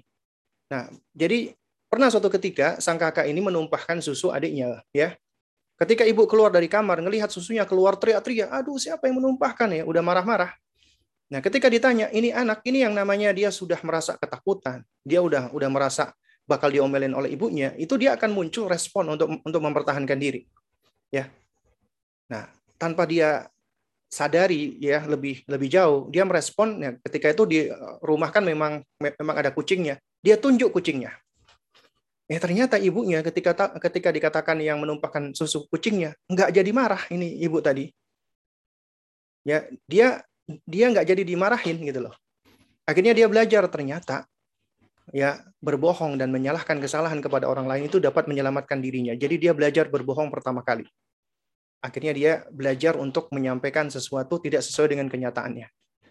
Akhirnya dia belajar sedikit demi sedikit dan terus-terusan. Akhirnya dia menjadi anak yang suka berbohong. Tanpa kita sadari ternyata itu akibat dari siapa? Dari kita, dari orang tua. Yang terlalu keras di dalam mendidik anak. Karena itu makanya kalau anak kita itu misalnya dia uh, memiliki self defense, mempertahankan diri misalnya, meskipun dengan cara berbohong, maka yang harus kita lakukan adalah kita harus merubah pendekatan. Jangan melakukan pendekatan dengan menyudutkan dia atau cenderung menyalahkan dia. Karena kalau sudah menyalahkan anak itu atau siapa pun cenderung untuk untuk membela diri. Apa yang kita lakukan? Yang pertama kita lakukan adalah kita harus melakukan apa namanya? Ini apa namanya? Reconnection. Ya jadi kita harus uh, apa ya namanya kita harus membangun koneksi kembali dengan dengan anak tersebut. Kita harus kembali membangun kepercayaan dia. Ya kita harus memberikan pengakuan terhadap dirinya. Ya bahwasanya nak kamu adalah sosok yang kita cintai kita sayangi kita hargai kita akui. Karena anak ini sudah merasa merasa ketakutan, khawatir, dirinya itu sudah dilabeli sebagai anak pembohong dan dia ya akan berupaya untuk ya apa apa dengan dengan mekanismenya tadi ya dia akan berupaya untuk untuk menolak itu semua gitu loh. Jadi ya kita harus melakukan pendekatan dengan cara yang baik. Ya, dengan cara yang santun, yang sabar. Kita sampaikan ya. Misalnya dia melakukan kesalahan. Kita sampaikan apa? Itu gak apa-apa nak kamu kalau melakukan kesalahan tadi maksudnya bukan artinya kita katakan itu boleh-boleh aja dia lakukan terusnya enggak. Maksudnya kita boleh kita kita ajarkan dia kamu nggak apa-apa melakukan kesalahan asalkan kamu mengakui dan kamu mau untuk untuk intinya taubat gitu loh atau rujuk dari kesalahan ketimbang berbohong. Intinya seperti itu yang ingin kita yang ingin kita raih seperti itu. Tapi kita melakukan pendekatannya adalah dengan apa? Dengan kita raih dulu hatinya gitu loh. Kita dekati dia. ya kita apa kita hargai dirinya gitu loh. Kamu itu anak yang baik sebenarnya. Kamu itu anak yang yang apa namanya? yang Allah Subhanahu wa taala jadikan kamu sebagai apa karunia buat Abi dan Umi gitu loh. Nah, kemudian kita tumbuhkan pelan-pelan ya keburukan keburukan yang ada yang yang ada pada dirinya ya kita kita cabut pelan-pelan gitu loh. Ya. Dan kita ajarkan bahwa ya Umi lebih ya Umi ya sayang sama kamu. Ya meskipun kamu melakukan kesalahan, Umi sayang sama kamu, nak. Ya. Nah, karena itu di antara bentuk sayangnya Umi adalah ketika kamu salah, Umi ingatkan kamu. Tapi nak, jangan berbohong ya. Jangan berdusta. Kamu melakukan kesalahan apa pun ya yang kamu lakukan, ya itu itu itu ya apa namanya istilahnya kita masih bisa untuk memberikan maaf. Tapi kalau ketika kamu berbohong, ya kamu akan dijauhi oleh semua orang. Orang nggak suka ya orang-orang yang berbohong. Intinya itu kita tumbuhkan seperti itu. Ya, karena ketika kamu bohong, jangan dikira Umi nggak tahu, yang lain nggak tahu ya. Allah itu tahu. Dan bisa jadi juga Allah Allah akan berikan tanda kepada Umi atau Abi atau kepada teman-teman. Kamu berbohong. Ketika kamu berbohong, ketahuan, orang-orang akan semakin menjauh dari kamu gitu loh. Itu.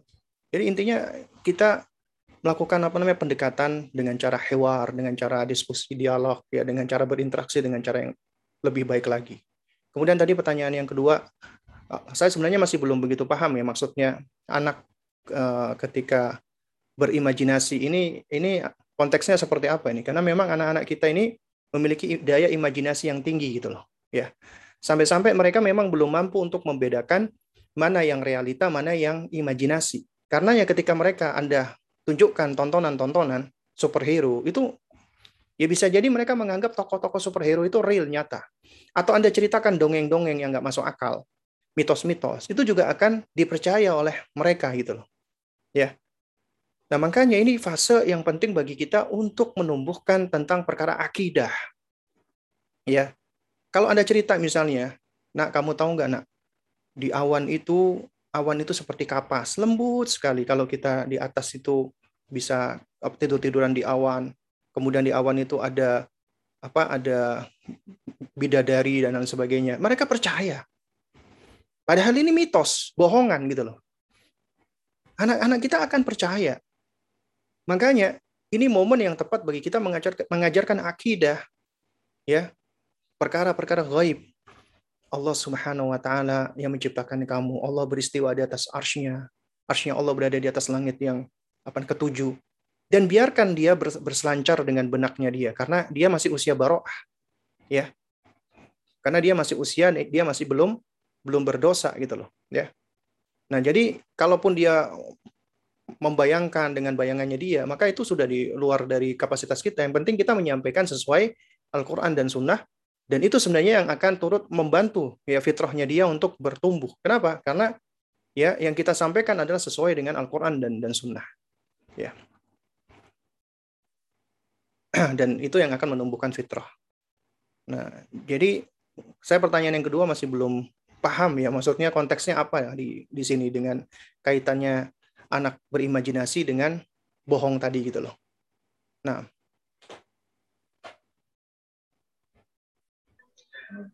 Insya Allah, Ustaz. Uh, mungkin uh, kita cukupkan untuk sesi tanya jawab ini. Uh, maaf jika ada pertanyaan yang belum bisa terjawab baik satu lagi. nggak boleh dia, dia tambahkan lagi nggak? Ini soalnya ada ada pertanyaan yang sama ya tentang oh. memberikan hukuman kepada anak dengan sholat sunnah hafalan Quran apakah boleh jadi saya lihat di chat ini ada pertanyaan-pertanyaan yang sama ya jadi yang perlu kita pahami bersama adalah ketika kita mendidik anak kita tentang ibadah, ya apalagi tentang menghafal Quran, itu adalah supaya mereka mencintai Al-Quran, mereka mencintai ibadah. Ya, Nah, ini seharusnya yang, yang menjadi pijakan kita. Sehingga ya, kalau kita ingin memberikan hukuman atas kesalahan mereka, ya, hukuman atas kesalahan mereka, namanya hukuman itu adalah sesuatu yang bisa membuat mereka jerah. Ya, dan hukuman itu biasanya sesuatu yang tidak disenangi. Ya kan? Nah, kalau Anda menghukum anak Anda dengan hafalan Quran, misalnya atau dengan sholat sunnah, maka ya dikhawatirkan ya ini ini dari yang saya pahami. Yang pertama ya yang apa yang yang dikhawatirkan adalah yang pertama dia bisa tidak menyukai sholat sunnah atau hafalan Quran. Kenapa? Karena itu dianggap sebagai bagian dari hukuman.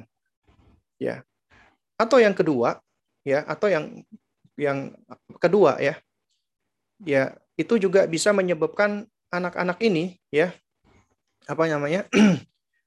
yang yang kita didik agar mereka mencintai Al-Qur'an, agar mereka mencintai sholat ya. Lalu kemudian malah ketika salah itu mereka kita berikan hukuman dengan sholat dan Quran, akhirnya karena mereka senang dengan menghafal Quran dengan sholat, akhirnya mereka malah meremehkan kesalahannya. Ya. Jadi dengan kesalahan kok kok diberikan hukuman dengan sesuatu yang mereka senangi. ya. Atau yang pertama tadi mereka menjadi tidak tidak tidak senang dengan sholat dan dengan Al-Quran. Karena itu makanya berikan hukuman tidak dengan cara ya seperti uh, melakukan apa ibadah tadi gitu loh. Ya karena ini adalah suatu hal yang menurut saya ya dari dari sejauh pemahaman, saya adalah kurang kurang pas ataupun kurang apa tepat gitu loh. Kenapa?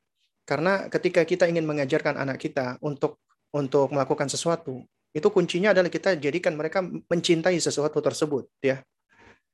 Makanya ketika anak salah misalnya, kemudian dia disuruh diberikan hukuman menulis.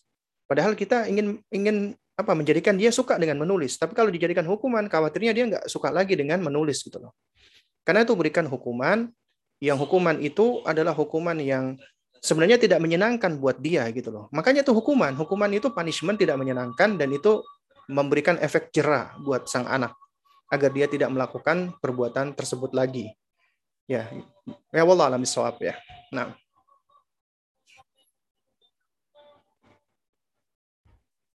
Ya. Ya, alhamdulillah, insyaallah barakallahu fiik Ustaz atas semua uh, apa jawaban dari setiap pertanyaan yang diajukan. Mudah-mudahan uh, apa uh, yang tadi eh, jawaban yang diberikan bisa bisa menjawab pertanyaan-pertanyaan uh, yang para umahat ajukan dan bisa dijadikan ilmu baru juga untuk kita semua. Uh, mungkin sekedar informasi untuk para pemenang kuis tadi, uh, bisa menghubungi nomor admin untuk uh, apa door prize-nya. Mungkin kami cukupkan. Uh, Barakallahu fikum. Terima kasih uh, kepada Ustadz Abu Salma Muhammad. Jazakallahu khairan atas ilmu yang telah disampaikan dan terima kasih juga kepada para audiens dan para jamaah yang telah mengikuti kajian parenting yang diselenggarakan oleh SD Tahfidz Madinatul Quran. Kita lanjut ke acara yang terakhir yaitu penutup. Mari sama-sama kita tutup acara ini dengan membaca doa kafaratul majlis. Subhanakallahumma wa bihamdika asyhadu an la ilaha illa anta astaghfiruka wa atubu ilaik. Kurang lebihnya mohon maaf, saya selaku MC yang benar datangnya dari Allah dan yang salah datangnya dari saya sendiri. Wabillahi taufiq wal hidayah. Assalamualaikum warahmatullahi wabarakatuh. Waalaikumsalam warahmatullahi wabarakatuh.